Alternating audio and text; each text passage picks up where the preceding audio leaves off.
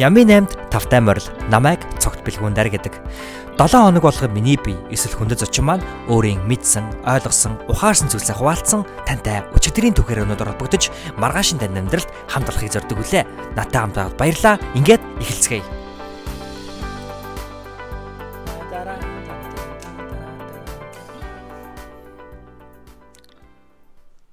Сайн байна уу гэж сайхан Монголсороо, амар байна уу гэж амгалан Монголсороо сонсогч та бүхнийхээ энэ өдрийн амар мэндийг мэдэж байна. Инхүү та бүхэндээ Сэхэдэн төслийн хүрээнд бэлтгэн хүргэдэг Ямина подкастынхаа 33 дахь тусгай дугаарыг хүрэхэд бэлэн болоод байна.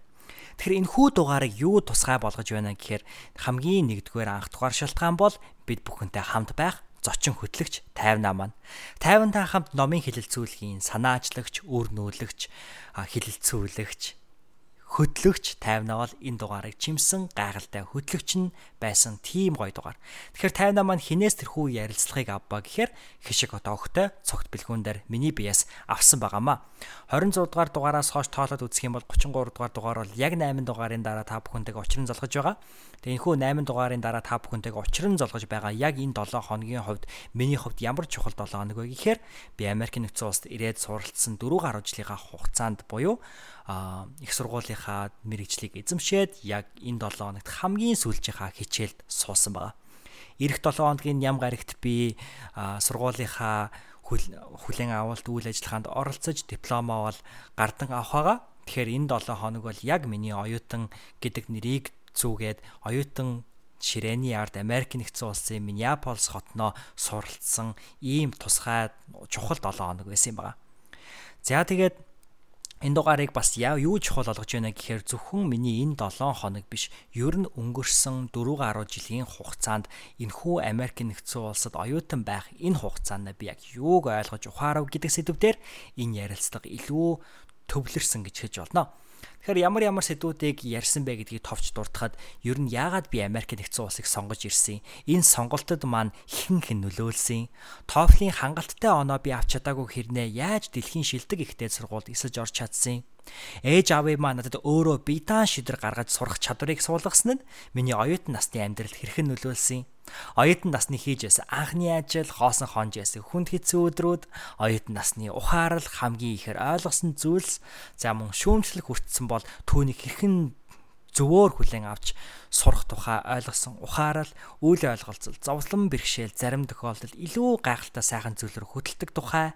Ирээдүгөө хийх ирээдүйдээ хийх зүйлсээрээ төсөөлж өөрийгөө харахаас илүүтэйгээр ирээдүйд хэн байхаараа өөрийгөө төсөөлж харах тухай гих мэдчлэнээс гадна ер нь яг энэ хүү сэхэтэн төсөл гэж юу юм? Сэхэтэн гэж хэн юм? Та бидний хамтдаа бүтээж буй, энийг сонсч буй таны бидний хамтдаа бүтээж буй энэ хүү сэхэтэн төсөл ер нь хаашаа ирээдүйд юунд чиглэх вэ гэдэг асуултуудад 50 бит хоёр энэ талаар бол ярилцсан байгаа. Тэгээ энэ дугаар маань танд маш их таалагдсан гэж итгэлтэй байна. 50 маань тун гайхалтай хөтлөгч байж маш гайхалтай дүгнэлтүүдийг асуулт болгоныг эцэст өгч байсан. Үнэхээр надад маш гайхалтай санагдаж байсан. Танд ч гэсэн тэгээ санагдсан гэж итгэлтэй байна. Ингээд хэдүүлээ подкаст руугаа үсэрцгээе.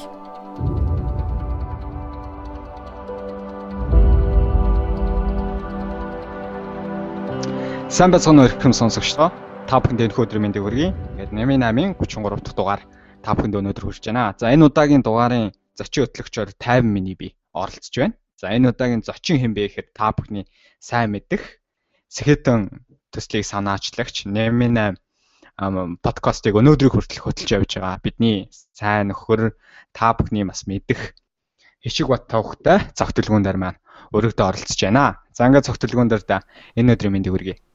За баярлалаа тавина. Чамцсан өдрийн мэндийг өргөе. Тэгээд чамтай ярилцах гэж байгаадаа маш баяртай байна. Аа. Миний хувьд болохоор бэлгүүнээтэйгээ ингээ ярилцахдаа илүү баяртай байхаас илүүтэй их тийм тайван мэдрэмжийг авдаг. Найстайгаа ярихаар их тайван болчдөг гэх юм уу. Яг тийм мэдрэмжийг аваад гоё нэг нөгөө ярилцах гэж байгаадаа миний хувьд туйл их баяртай байна. За тэгээд 33 дахь дугаар маань юугаар онцлог вэ гэхээр бэлгүүнээ маань Америкийн нөхцөл улсад очоод Миннесотагийн сургуулийг энэ жил төгсөж байгаа гэдэг нь зарим хүмүүс мэдж байгаа. Тэгэд өнгөрсөн 7 хоног бэлгүүнээ сүүлийн хичээлдээ суусан байгаа тийм ээ. Аа. Оюутан насныхаа одоо сүүлийн хичээлийг суусан. Тэгэхээр 5 сарын 13-нд аль биесээр энэ их сургуулийг төгсөх гэж байгаа. Тийм болохоор өнөөдрийн гол яриа бол найз нь юу руу чиглүүлэх вэ гэхээр өнгөрсөн 4 жилийн 5 жилийн хугацаанд оюутан насны амьдрал Америкийн нэгдсэн улсад одоо би дааж дааж очиод сурсан энэ цаг хугацаануудын гоё түүхүүдийг аа сонсогч нартайгаа хуваалцаасаа гэж хүсэж байна. За тайвангийн үүрэгүүд бол аль болох тийшээ чиглүүлэхийг хичээнэ. Гэхдээ нөгөө хөтлж байгаагүй болохоор бас өнөөдрийн үед миний хувьд гоё дэндүү гоё туршлагатай гоё дурсамж үлдээх байхаа гэж найдаж байна. За тэгээд яриагаа хойлоо одоо яг Миннесотагийн цаг уур ямар байна? Одоо яг Монголд бол маш их гоё байна. Яагаад тэгэхээр нөгөө хавар болж байгаа бүх зүйл өөрийн гэсэн өнгөө засаад Тэгэл э, энэ тентхийн нөгөө хотын гоё годомжууд чинь чимэглэн нээгдээд те маш гоё үзэсгэлэнтэй болж байна. Миннесотагийн өнгө төрх ямар хөө байна? За, ер нь хаврын уйлрал чивэд хоёрын хувьд яг адилхан бах. Хамгийн дуртай уйлрал байдаг. Ягаад гэхээр нэгт яг цаг агаар тэгэл хувцас нэмгэрхийн хэрээр сэтгэл санаа тэнийг яйл сайхан болдог. Тэгээд а бас тий янз бүрийн ингээл цэцэг навчис ургаад мод ногоороод тэгэл яг тэр үе дээр ер нь бол явж чинь тэгээд нилээн ер нь бол энэ өвөл айгүй урт өвөл байсан. Гэтэ яг дулаараад нэг 2 7 хоног болж байна. Тэгээд яг одоо бол яг гой сайхан ногоороод сайхан хичээл аан номч гэсэндээ ер нь хөнгөрөөд одоо нэг хідэн хамгийн сүүлж байгаа хідэн пейперуудыг төслийн ажлуудаа бичиж өгчөө тэгээд яг ингээл аль биесаар төгсөгч болох гол байж ин да. Тийм. Аа. За бэлгүүнийг явд өнгөрсөн 7 хоногт хамгийн сүүлийн хичээлдээ суусан гэсэн зарим хүмүүсийн хувьд бол бэлгүүнийг яг за Америкт сурдаг гэдгээр нь мэдж байгаа. Яг ямар сургуульд, ямар мэрэгчлэр сураад өнөөдөр ингээд бакалаврын зэргийг хүртэж байна гэдгийг зарим хүмүүс тодорхой мэдгүй байгаа бах тий. Тэгээд тэрийгээ гоё дэлгэрэнгүй сонсогч нартаа танилцуулаасай гэж найз нь хүсэж байна. За. За тэгээд бас чамд ч бас баярлаа. Яг найз нь ч гэсэндээ чамтай ярилцаас авах маш гоё тайван сайхан. Тэгээд ер нь гоё дараа нь яг ярилцаа дуусти дараа надад төрдөг тэр мэдрэмжийн их гоё идэг. Тэгээд тэр мэдрэмжийг авах гэж байгаа даа айгүйх догдолж байна. Аа би тэгээд энэ удаагийн дугаараар яг их зүгээр миний 7 хоног биш яг миний их сургуулийн 4 5 жилийг онцлох гэж байгаа гэдэг утгаар нь бас маш их баярлж байна. Тэгээд би хамгийн сүүлд 26 дугаар дугаар дээр яг өөрөө зочин хөтлөгч Алтан гэрэлт найзтайгаа хамт ярьж исэн. Тэгээд түүнээс хойш энэ дугаарыг 26 дугаарыг тооцох юм бол яг ингээд Нями 8 подкастынхаа 8 дугаарын дараа иргэн зоолгож байгаагаар бас их бэлгшээгээд сая сууж илаа. Тэгээд их сургуулийн хувьд найз нь ямар мэрэгчлээ сурсан, яасан, ийсэн гэхээр аа яг одоо энэ хүү Миннесотагийн их сургууль гэдэг энэ сургуульд бол би 2 жил суралцсан. Тэгээд 2 жил сурж явах хугацаанд би улс төр аа тэгээд компьютер шинжлэх ухаан гэдэг мэрэгчлэр давхар сурж агаад за ер нь компьютерийн шинжлэх ухаан миний юм арай биш юм байна гэд тэгээд арай жоохон хазаагаад дижитал медиа буюу одоо бид бүхний энэ хэрэглээд байгаа энэ сонсоод байгаа подкаст энэ подкастыг түгээж байгаа Facebook буюу одоо сошиал медиа платформ тий за тэгээд цаашлаад одоо илүү сонгодог хөлбрууд болох телевиз радио гих мэтчлэн зүйлүүдийг яг мэрэгжлийн одоо академик төвшөнд нь ер нь судалж байгаа. Тэгээд зөвхөн бас медиа гэхээрээ а одоо бас юу биш байдаг юм байна лээ л дээ. Би яг медиагийн хичээлүүд авч ихлээр бүр гайхсан. Ерөөсө медиа гэхээр монголчууд би яг Монголд медиагийн чиглэлээр сурдаг найзтайгаа ярьж байгаа байхгүй. 4 жил намайг бодвол яг 4 жил энэ чиглэлээр сурсан. Тэгээ би хэлж байгаа медиа гэдэг чинь дандаа ерөөсөө телевизэрч биш, ганцхан телевизэрч биш, фейсбુકч биш эн чинь одоо чи бит хоёрын гарт байгаа үзэг чиний өмсөж байгаа хувцас юм байна штэ гэж би ер нь бол яг энэ сурж байхдаа ойлгосон. Ягаад гэвэл медиа гэдэг нь болохоор англи хэлний medium гэсэн үг. Тэгээ medium гэдэг нь болохоор дундаж гэсэн үг. Дундаж гэдэг нь юу хэлж байна гэхээр аа альва хоёр зүйлийг холбож байгаа цэгийг л юу хэлээд ингэж ойлгож байгаа байхгүй. Тэгэхээр одоо өнөөдөр чи костюм пижак өмссөн байхад өөртөө ямар ихтгэлтэй байж чаддаг вэ те зарим хүмүүс. Аа тэгвэл өнөөдөр чи зүгээр ингээд салбайцсан хувцас өмсөхөд чи өөртөө жоо ихтгэлгүй байж болно шүү дээ. Тэгэхээр тэр нөгөө эд зүйл гэдэг зүйл чинь өөртөө асар их мэдээллийг хадгалж идэг буюу чиний амьдралтаа гаргаж байгаа шийдвэрүүдэд нөлөөлж идэг. Тэгэхээр ерөөсөө медиа гэдэг зүйл бол зөвхөн түгээдэг хэрэгслэж амьдралын чинь одоо гаргаж байгаа шийдвэрүүд нөлөөлдөг зүйл юм байна гэдгийг ер нь би ойлгосон. Тэгээд энэнийг цаашаа бүр ингээд академик төвшөнд нь ярих юм бол маш олон хүмүүсийг одоо дурдаад бүр сайн ярьж болно. Гэтэ би яагаад нэгийг онцолж байна гэхээр миний яг энэ хүү улс төрийн мэрэгчлэлтэй яг энэ медиагийн юу бол маш холбогдож өгсөн. Яагаад гэхээр би яг улс төрийн мэрэгчлээ сурж байхдаа яг улс компьютерийн шинжилгээ ухааныг давхар сонгож ирсэн бэхээр би нөгөө кибер аюулгүй байдалд маш сонирхолтой байхгүй. А гэхдээ би кибер аюулгүй байдалд маш сонирхолтой байжгаад илүү хувь хүний аюулгүй кибер аюулгүй байдал сонирхолтой болоод ирсэн чинь яахаа аргагүй нөгөө одоо та бүхэн бас мэдж байгаа шүү Facebook одоо бидний мэдээллийг үнэхээр зөв хадгалж чадж гин үгүй юу гэх мэтлээ асуудлаа сүүлийн үед айгүй хөндөгдөж гин те.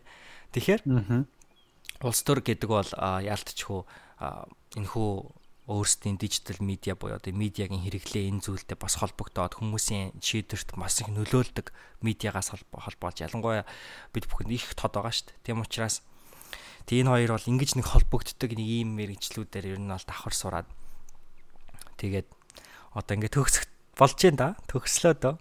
Тий. Аа бэлгүүний мэрэгчлийн хувьд бол одоо яг орчин үеийн цаг үетэй хөл нийлсэн тий. Аа маш сонирхолтой мэрэгчлэр бол миний хувьд бол сураад төгсөж гин гэж харж байна. Тэгээд Миннесотагийн их сургууль бол өөрөө дэлхийд ранкаараа бол одоо яг эренблэгдэх чансаагаараа бол дэлхийн топ 50 сургууль дотор бол багтдаг гэж миний хувьд ойлгодог. Тэгэхээр энэ том сургуулийг төгсөөд гарч байгаа хүний хувьд тэгээд хамгийн сүүлийн оюутан насныхаа хичээлд одоо сууж суух суугаад одоо тэр Миннесотагийн их сургуулиас хаалгаар нь гараа авч явах тэрхүү мэдрэмжээ гоё хуваалцаач гэж. Тэр бол одоо яг шинэхэн мэдрэмж л байгаа хэл та саяхан болсон дээ. Тий, яг энэ 7 хоногийн 4 дахь өдөр би нөгөө 5 дахь өдөр хичээл авдаггүй баасан гарагт. Тэгээд баасан гарагт ер нь бол маш олон цагаар ажилдаг. Тэгээд заримдаа бям бям гарагтаа ажилдаг. Гэтэ яг хичээлийн өдрүүд болохоор нэгээс дөрөвт өдрүүдэд гэхгүй. Тэгээд дөрөв дахь өдөр хамгийн сүүлчийнхаа яг 7 хоногийн хичээл дээр ингээд суух гад аа тэр хамгийн сүүлийнх нь хичээлийн өмнө бас нэг хичээл орох хэрэгтэйсэн чи тэр хичээл нь шалгалт олж таарад Тэгээ тэр шалгалт нь ямар шалгалт вэ гэхээр гэртээ өгдөг шалгалт. Тэгээ гэртээ өгдөг шалгалт гэдэг нь болохоор багш нь нөгөө шалгалтаа онлайнаар тавиад тэгээд 24 цагийн дотор чи зүгээр гэртээ ч юм уу голын ирэг дээр сууж явахдаа ч юм уу нуурын ирэг дээр сууж явахдаа ч юм уу дуртай үедээ хийгээд 24 цагийн дотор бөглөөд өгчдөг тийм шалгалт. Тэгээд яг тэр үед нь болохоор би их шалгалтаа ихийн оронд найз хүнтэйгээ хамт зүгээр сайхан цаг агаарыг таашаагаа сургуулийнхаа ингээд нэлээд юм том талбай байдیں۔ Моол гэж нэрлэдэг. Тэгээд тэрхүү моол нь ингээд маш том том юм зөвлгүүдтэй. Тэгээд ингээд тэр зүлгэн дээр хөвтээд бит хоёр дуг хийгээд хүм хажууд ингээд нөгөө Америк чи нөгөө чөлөөтэй ихтгэл тавина гэж яддаг те. Ингээд хүмүүс годомжин зогсоол гинт зогсож ирсэн ээ. Амьдралын утга учир бол энэ юм гээл. Тэгэл нэг хажууд нэг хүн бүр амьдралын утга учир яриа л байсан. Тэгэл тэр амьдралын утга учирыг ярьж хахад хажууд нэг Орс залуу а өөрийнхөө өөрийнхөө орс хүний өнцгөөс бас тэр асуултууданд илтгэгчд хариулаад. Тэгэл нэг тийм нарлаг өдрийн доор ингээл дарайт хоёр хөвтчихээ дог хийгээл юм яриад. Тэгсэн чинь дарай надаас арай одоо сэтгэгдэл ямар байна л гэж асууж байгаа байхгүй надаас. Тэгээ юу нэг гэсэн чинь их сургуулийн хамгийн сүүлийн хичээл шүү дээ. Тэгээ би ерөөсө бодоогүй тэрийг бүр ингээд юу их сургуулийн хамгийн сүүлийн хичээл гэж ерөөсө бодоагүй би өөрөө мэдээчгүй. Тэгснээ би бүр ингээд бодож байгаа юу лээ дараа 7 хоногт чинь одоо яг энэ 7 хоногт яг төгсгийнхаа өмнөх нөгөө төгсөлтийн 7 хоног тэгээ дандаа том том шалгалтуудаа өгдөг. Тэгээ би тэрэн дээр хичээлүүдээ сууна гэж бодож байсан байхгүй. Яагаад ч юм. Тэгсэн чинь бүгдөө пейпер буюу тайлан тайлангууд учраас бичих бичих ажлууд учраас ерөөс сургуульд очиж суухгүй байлээ. Тэгэл би өө тийм байж гэж бодоод хамгийн сүүлийн хичээл дээр очиад сууж байгаа. Тэгээ миний хамгийн сүүлийн хичээл дээр бол гоё хичээл өнгөрсөн л да. Яагаад тэгэхээр бас яг медиагийн хичээл байсан. Тэгээ медиагийн хичээл дундаа эдийн засаг медиа хоёрыг холбосон хичээл. Тэгээ бид нар хамгийн сүүлийн хичээл дээр аа нэг компани өөрсдийнхөө зохиосон одоо санааг нь гаргасан компаниа танилцуулаад манай компани ийм юм үйл ажиллагаа явуулна, ийм хэмжээний хөрөнгө оруулалт хэрэг болно гэдэг ингээ хүмүүс танилцуулаад шүүгчнэрээс үнэлгээд үнэлгээ аваад тим хичээл зуус. Тэгээд яг тэрхүү хичээлээ илтгэлээж тавиад группээрээ найзуудаараа илтгэлээ тавьчаад хамгийн сүүлд миний хуучин сурж исэн сургуульд надтай хамт ажиллаж исэн нэг залуу яг дараад хоёр ингээд би хамгийн сүүлийн хичээлээр дарахад дараа манай хичээлийн үүдэнд хүрээд ирсэн. Тэгээ бит хоёр уулзаа ийс манай тэр хуучин сургуульд хамт ажиллаж исэн залуу ирээд Тэгээд өө би л юу байна муу байна гэд. Тэгээ би өө одоо мэн чинь ингээд төгслөө мөнгөслөө гэд тэр Америк задлууд ингээд хэлж байгаа байхгүй. Тэгсэн чинь өө тийм юм юм уу гэл. Тэгэл тэр залуутай ингээл нөгөө нэг гараараа ингээл юу яан ч гэдэг юмтэй одоо гармаараа нийлүүлэл хай файв энэ төрөг үлдээ тэгэл баяр үргээд холбоотойгаар энэ төр гэл тэгэл яг тэр үед нэг тим мэдрэн нэг нэг тим түүх болж өнгөрөөд тэгээ би бол өөрөө нэг айхтар ингээд юу гэдгийг их тийм сэтгэл санааны хувьд те бүр ингээл гониглаад л тэгэж юус хүлээж аваагүй. Надад зүгээр айгу гинтийн байсан. Өө тийм байж тэгээд тэгээ хамгийн гоё надад тэрийг сануулсан. Тэгээ яг хичээлдээ гараад ирсэн чи бас нэг угтаад авсан. Тэгээ дараа маань тэндээс учраас ер нь нэг гониглсан гэхээсээ илүү айгу гоё. Хөвчлөлтэй инээдтэй нарлаг тийм л өдөр болж өнгөрлөө шүү хамгийн сүүлийн хоног. Тийм тэгээ бас гоё ихтгэл тавиа те тийм шинэ юм танилцуулаад тийм аа аа их сургууль төгснө гэдэг бол магадгүй нөгөө хожим нь те ингээд яг одоо чи бол 5 сар 13-нд яг дипломо гардж яваад тэр үед бол бүр илүү гоё гайхалтай мэдрэмж яг ингээд тодор илүү гоё мэдрэгдэх байх гэж найз найз нь бодож байна. За ингээд э, өнөөдрийн нэмийн 8-ынхаа 8 асуулт байгаа. Тэгээд энэ 8 асуултыг бол жоохон жоохон өөрчилсөн. Ягаад тэгэхээр тусгай дугаар бэлгүүнийгийн оюутан насны өнгөрсөн 5 жил 4 жилийн амьдралын тухай гоё түүхүүдийг сонсох учраас би жоохон өөрчилсөн. Бэлгүүнээд асуулт огт өгөөгүй. Тийм болохоор битээр одоо шууд нэгсэндээ ямар ч бэлтгэлгүй гоё толгой дотор орж ирсэн шууд бодлоо шүүлтгүргүүгээр гаргана гэсэн үг. Тэгэхээр их гоё халуун дулаан нин үгээр олох гэж найд. За найз найдаж байна. За ингээд хамгийн ихний асуулт боёлаа. За за тэгье. Бэл нөгөө нэ. Билээ. Гоё штэ. За мэдээж нэмийн 8 уламжлал болсон хамгийн ихний гайхалтай асуулт байдаг.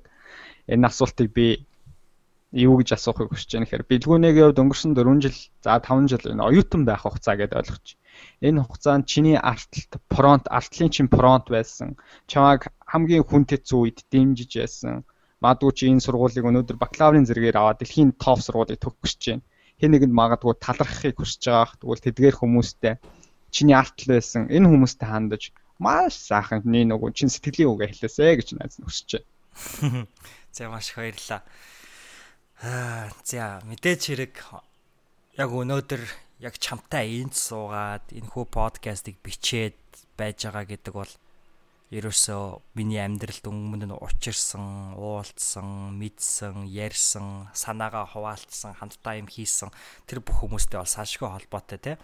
Тэгээ өнөөдөр магадгүй би энийг сургууль сураагүйсэн бол аа за яг ингэж подкаст хийж гэдэг юм уу ийм санаач төрөхгүй байхаас юм уу яаж мийг яаж мэдэх вэ Тэгэхээр зөвөр миний одоо өнгөрсөн амьдрсан бүх хугацаанд л надтай уулзсан, надад нөлөөлсөн, уулз биеэр хийгээд биеэр бус нөлөөлсөн бүх хүмүүст бол юуны өмнө талархах нь маш зүйтэй баг. Тэгээ би өмнө нь бас алтан гэрэлтэйгээ ярьж яхад хэлж исэн монголчууд бол ажиглаж яхад заавал ингээд бүр талархахын аргагүй зүйлсүүдээ бол үргэлж дурддаг. Юу гэдгийг хорондоо талархаж гин өнөөдөр амьд байгаадаа талархаж гин гих мэтчлэн те Тэгээ миний хувьд ч гэсэндээ тэдгээр зүйлүүдэд бол маш их талархаж байна гэдгээ бол энэ ч бол хэлэх зүйтэй. Ягаад гэхээр а би бүр багасаа 10 жилээсээ би ингэж боддог байсан аахгүй. Өнөөдөр хүн амьдралын зорилгоо яаж тодорхойлох уу гэж их боддог тий. Ялангуяа 10 жилд байхад. Яагаад гэхээр мэрэгжлээ сонгох хэрэгтэй, үлдсэн амьдралаа яаж амьдрах уу гэдгийг тодорхойлох хэрэгтэй гих мэтчлээ. Тэг би тэрэн дээр ерөөсөө багасаа л яг бүр нэг тогтсон л үзэл бодолтойсэн. Одоо хүртэл бүр яг хийвэрэ. Заримдаа ингээд би 10 жилдээ ямар тэнийгэн боддог байсан юм бэ гэж хүнийг өөртөө хэлдэг штэ. А би болохоор энэ дээр одоо хүртэл яг ит байр суурьтай байдаг. Тэр нь болохоор хүн амьдралынхаа үн цэнийг хамгийн үн цэнтэй зүйлсүүдийг мэддэг байх хэрэгтэй байна гэж би бүр бодсоор ирсэн одоо ч гэсэн бодож байгаа. Тэг миний хувьд амьдралын үн цэнтэй зүйлийг юунаас эхлэх үү гэж би бас өөрөөсөө бод асуудаг аахгүй. Өнөөдөр их хайртай хүмүүс ээж аав хамгийн үнэтэй э, одоо амьдралын үнцэнтэй зүйлс мөн үү гэж өөрөөсөө асуувал мөн аа гэхдээ би зүгээр ингэж хариулахыг би багасаа өөртөө байнга сануулдаг. Тэр нь юу гэх юм бол эх орон хамгийн үнцэнтэй зүйл юм байна гэж. Ягаад үг гэхээр өнөөдөр Монгол эх орон тусгаар тогтнолтой, эрх чөлөөтэй ийм байгаагүйсэн бол өнөөдөр би эрүүлийн хүсэж чадах байсан уу гэвэл асуудалтай тий. Өнөөдөр би яг Саран туяа Агшиг бат гэдэг хоёр хүний хүүхэд болж төрөөд өнөөдрийг хүртэл амьдрах одоо өнөөдөр бас Америкт яг ингээд сууж явах байсан уу гэвэл бас асуудалтай. Тэгэхээр эх орон гэдэг бол яг энэ бүхний үндэс суурийг бэлдэж өгсөн хамгийн чухал зүйл юм байна гэж би багасаа бодож ирсэн. Тэгээ одоо ч гэсэн бодож байгаа. Тэгэхээр хамгийн түрүүнд бол хамгийн чухал талархах ёстой зүйл бол эх орон бах. Эх орондоо хүн талархснаар эцэг ихтэй талархах нь. Эх орондоо хүн талархснаар хамтдаа байгаа, хамтдаа учирсан тэр найзуудаа талархах нь. Хүн эх орондоо эх орныхоо надад өгсөн зүйлсөд талархснаа өнөөдөр надад би болсон тэр бүх боломжуудад талархах нь гэж бодож байна. Тэгээ хамгийн анх Америкт би яг яагаад Миннесота муужд ирсэн бэ гэж хүмүүс их асуудаг л та. Тайнагийн үед өмнө одоо надтай танилцахаас өмнө ч юм уу Миннесота мууж гэж сонсч ирсэн үү? Аа би одоо сагсан сагс дээрээс л энэ Миннесота гэдэг баг мэднэ. Түүгээр нь л мэднэ. Тийм байна те. Тийм. Миний хувьд гэсэн яг адилхан. Ерөөсөө нөгөө Монгол Spalding гэдэг нэг бөмбөгнүүд айгүйх байдаг байсан шүү дээ те. Тэрэн дээр нөгөө Minnesota Timberwolves гэдэг. Тий. Тэрүүгээр нь айгүйх мэддэг. Тэгээд яг гэтээ яг яагаад би Minnesota-г сонгосон бэ гэхээр миний үеэлэгч энд ирж сураагүй байсан бол миний үеэлэгч Camila гэдэг а эгч маань байгаа. Тэгээ тэр эгч маань өнөөдөр Миннесотад ирж сураагүй байсан бол би өнөөдөр энд ирэхгүй ах байсан. Тэгээд а надад намайг хамгийн анх надад яг Америк гэдэг улс оронд ирэх ёстой гэдэг мессежийг бүр багаас надад өгсөн хүн бол миний үеэл эгчнэр байсан. Тэгээд манай Камила эгчигээд Нарангуа гэдэг эгч маань идэг хоёулаа үеэл эгчнэр. Тэгээд мөн энэ хоёр хүн бол яг өөрсдөө Америкт амьдраад үзсэн, Америкт байдаг байсан хүмүүс учраас надад яг Америкт ирээд сурах хэрэгтэй гэдэг мессежийг бол байнга өгдөг байсан. А тэгээ яг Миннесота гэдэг сонголтыг хийхэд нөлөөлсөн бол манай Камила гэдэг ч байсан. А тэгээд эгч маань өөрөө Миннесота мууж сурч исэн учраас би яг ингээд за Миннесотад ирээд одоо яг ирж ирстэй намайг хамгийн анх одоо ухтаж авч үлгийдж авч гэдэг тийм үү те Америкт бүр яг тосч авч исэн хүн бол манай галаа гэд галхуу гэд ах байдаг. Тэгээд галаах маань өөрөө бас яг Америкт сурж исэн, яг энэхүү Миннесота мууж сурж исэн хүн. Тэгээ намаа яг хамгийн анх сургуульд маань оруулж өгөөд бүр хамгийн анхны баг яг тэр нөгөө сургууль дээр яг нэг анги танхимд ороо тий анги хамт олонтойгоо ч гэдэг юм сургуулийнхаа багш нартайгаа уулзах тэрхүү бүр яг үйл ажиллагаан дээр хүртэл манай галаах намайг бүр яг хүргэж өгч ийсэн. Тэр утгаараа бас яг миний одоо Америкт анх ирээд сургууль сурах тэрхүү одоо бүх бичиг баримтуудыг Камила гэгч галаа хоёр бол ингээд бүгэлж өгч ийсэн миний өмнөөс энэ бүх зүйл одоо замыг нь ингээд татаж өгч ийсэн учраас энэ хүмүүст бол би бас талархах нэг зүйтэй гэж бодож байна. А яагаад гэхээр яг энэ хүмүүсгүйгээр би өнөөдөр Миннесота гэдэг сонголтыг бол хийхгүй байх байсан. За тэгээд Миннесотад ирсэн хойноо За мөн намайг Миннесотад очиход надад тусалсан хүмүүс гэх юм бол мэдээж хэрэг манай ээж аав бол маш чухал нөлөөтэй. За мөн манай ээж аавын одоо ах эгчнэр бол маш чухал нөлөөтэй. Одоо өөрөөр хэлбэл манай аав эгч, нагцах, нагц эгч гэдэг юм уу те тэдгээр хүмүүс маш их чухал нөлөөтэй. Тэгээ гэр бүл хамаатай садан. За тэгээд намайг бүр 10 жилийнхаа маань угаасаа Америкт явна гэхэд бол үргэлж дэмждэг байсан. Тэгээд 10 жилийн маань найзуудтай бас талрах хэрэгтэй. За тэгээд үүнээс хойш Миннесотад ирсний дараа гэх юм бол а би хамгийн түрүүнд мэдээж хэрэг яг сүүлийнхаа жилийг сүүлийн 2 жил буюу Миннесотагийн их сургуульд орсноос хойш надтай хамгийн ойрхон байж үргэлж түшиг тулгуур болсон хүн бол миний найз охин Дарь Сүрэн маань. Тэгэхээр дараадаа би маш их талархаж байгаагаа бас энэ подкастаараа хэлмээр байна. Аа яагаад гэхээр хамгийн хүнд хэцүү цаг үед бит хоёр л үргэлж хамт байсан. Бит хоёр чи 2 жил үерэхдээ нэг жилд нөгөө холцоо үерхэлдээсэн шүү дээ тавина. Тэгээд а холцоо үерхэлт ч гэсэндээ үргэлж хамгийн түшиг толгуур болсон хүн бол миний найз охин байсан. бит хоёр л маш одоо өөрсөндөө төсвөр төвчээрийг бол би болгосон энэ хугацаанд. А тэгээд өнгөрсөн яг нэг жилийн хугацаанд энэ сургуульд хамтдаа сурж явах хугацаанд тэр нэг жилийн хүнд хол хэцүү. Би биенээс хол исэн тэр төсвөр төвчээр дээр би болсон тулгуурлсан тэр хайран дээр өнөөдөр бит хоёр хамтдаа байсан учраас маш их талархаж байна. За тэгээд миний яг 10 жилдээ найзалж байсан найзууд маань бас яг энэ хүрээд ирсэн байдгийг би дурдхан зүйтэй ах 20 яг 8 дугаарын өмнө буюу 26 дугаар дугаарт хамтдаа ярилж байсан алтан гэрэл маань хийгээд хамгийн анх яг намайг Америкт ирснээс хойш жилийн дараа ирж исэн лавга лавгчар маа хоёр маань ер нь бол яг миний 10 жилийн найзууд Тэгээ яг энэ 2 10 жилийнхаа найзуудтайгаа бас яг энд ингээд хүний газар цураад явж байхад бол их дотн сайхан мэдрэмжүүдийг бол төрүүлж исэн. Тэгээд бас Миннесотад ирснээс хойш олон найзуудтай болсон, олон танилуудтай болсон. Тэгээ Миннесотагийн нийт одоо монголчууд, нийт одоо Америкчууд энэ бүх хүмүүс тэгээ гадаадын олон оюутнууд энэ бүх хүмүүс бүгдөө нь таларх хэрэгтэй баг. Тэгээ 4 5 жилийн дэгүүд асрыг хугацаа штэ тий таймнаа. Тэгэхээр бүгдөө нь таларх маш их хэцүү. Гэтэ миний амьдралд учирсан уулцсан бүх хүмүүстэй талархаж байгаагаа бас дахин дахин хэлэх зүйтэй хэрэгтэй ах гэд. Тийм тэгэж тийм л хариулт өгье да. За баярлалаа. Мэдээж яг бэлгүүнийгийн хариултыг сонсоход яг бэлгүүнийгийн амьдрал цайнаарч муугаарч зүгээр бэлгүүнийгийн амьдралд орж ирсэн тийм. Тэр үнний учрал болгон тэр уулзалт болгон тэр болгонд өөр хамтдаа байсан тэр хүмүүст бол талархаж гин гэж хэлж байгаа надад бол их гой санагдаж байна. Тэр нь бол амьдралын гол утга учир чи өөрөө хүн хүнээрээ дутна гэж байдаг тий. Тэгээ муу хүн гэж байдаггүй, муу үйлдэл гэж байдаг гэдэг шиг хязгаарч муу хүн гэж байхгүй. Тэр хүн болгон л өөрөө учрал болгон л тэр өөрөө гайхалтай нэг дурсамжийг үлдээж. Тэгээ тэр хүн болгондоо талархаж даа. Миний хувьд бол их гоё сонирхолтой санагдлаа. Баярлалаа гэж гэнэ. Баярлалаа. Аа тэгээд бараг найзынхаа хоёр дахь асуултыг чи яг уншсан юм шиг хариулчлаа. Гэхдээ яах вэ? Би энэ дэр нэмээд дахиад нэг жоохон дөрөөл асууч. За. Би яг юу гэж асуух гэж байсан бэ гэхээр Америкт тэр сурах тэр хүүхдийн одоо мөрөөдөл яг хизэнээс эхэлсэн бэ гэж. Гэсэн тэгээд мэдээж тэр үеэлэгчээс нь эхэлсэн байна те. Үеэлэгч нь багаас нь тэгж Америкт одоо сурах тэр Миннесотад сурах хүсэл эрмэлзлийг бүр өдөөгд өгсөн байсан байна гэж хадж байна. Тэгвэл яг Америкт сурах гад чи зорж исэн тэр одоо за өдөөгдөжлөө чиний зорилго. Би сурах хэрэгтэй гэдэг жоохон хүүхдээ тэр мөрөөдөл ингээ асч чинь. Түүний чи дээрэс нь хэрхэн түлш нэмж ингээ цог цогийг унтраахгүй чааш нь авч явахын тулд тэр тэнцэл яг хэрхэн цааш өрнөсөн бэ? Тэр үеуд чи яаж өөрийгөө зоригжуулж тасралт түүгээр өөртөө ингээд эш чүч өгсөөр угаад Америкийн нэгдсэн улсанд анх хөл тавьсан тухайга яриасаа гэж хүсэж байна. За маш их баярлалаа. Гоё асуулт байна. Аа би юу штэ хүсэл яг Америкт ирэх одоо бүр чин хүсэл мөрөөдөлтэй байсан уу гэвэл бас үгүй юм шиг байгаа. Ягаад а ерөөсөө Америкт ирээ гэдэг сонголтыг би ингээ эргээ харахаар нэх өөрөө хийсэн юм шиг үгүй юм шиг санагдаад байдаг юу. Яагаад гэхээр Америк гэдэг бол угаасаа одоо бид нар сайн мэдж байгаа шүү дээ. А Холливуудаар ингээл төсөөлөд харахад бол одоо дэлхийн хамгийн хөгжилтэй, хамгийн хүчрхэг дэлхийн одоо улс орнуудыг тэргүүлдэг улс орн гэж хардаг те. Тэр утгаараа Америкт ирээд сурвал маш их зүйл мэдх юм байна. Дээд боловсролын систем нь гайхагдд юм байна.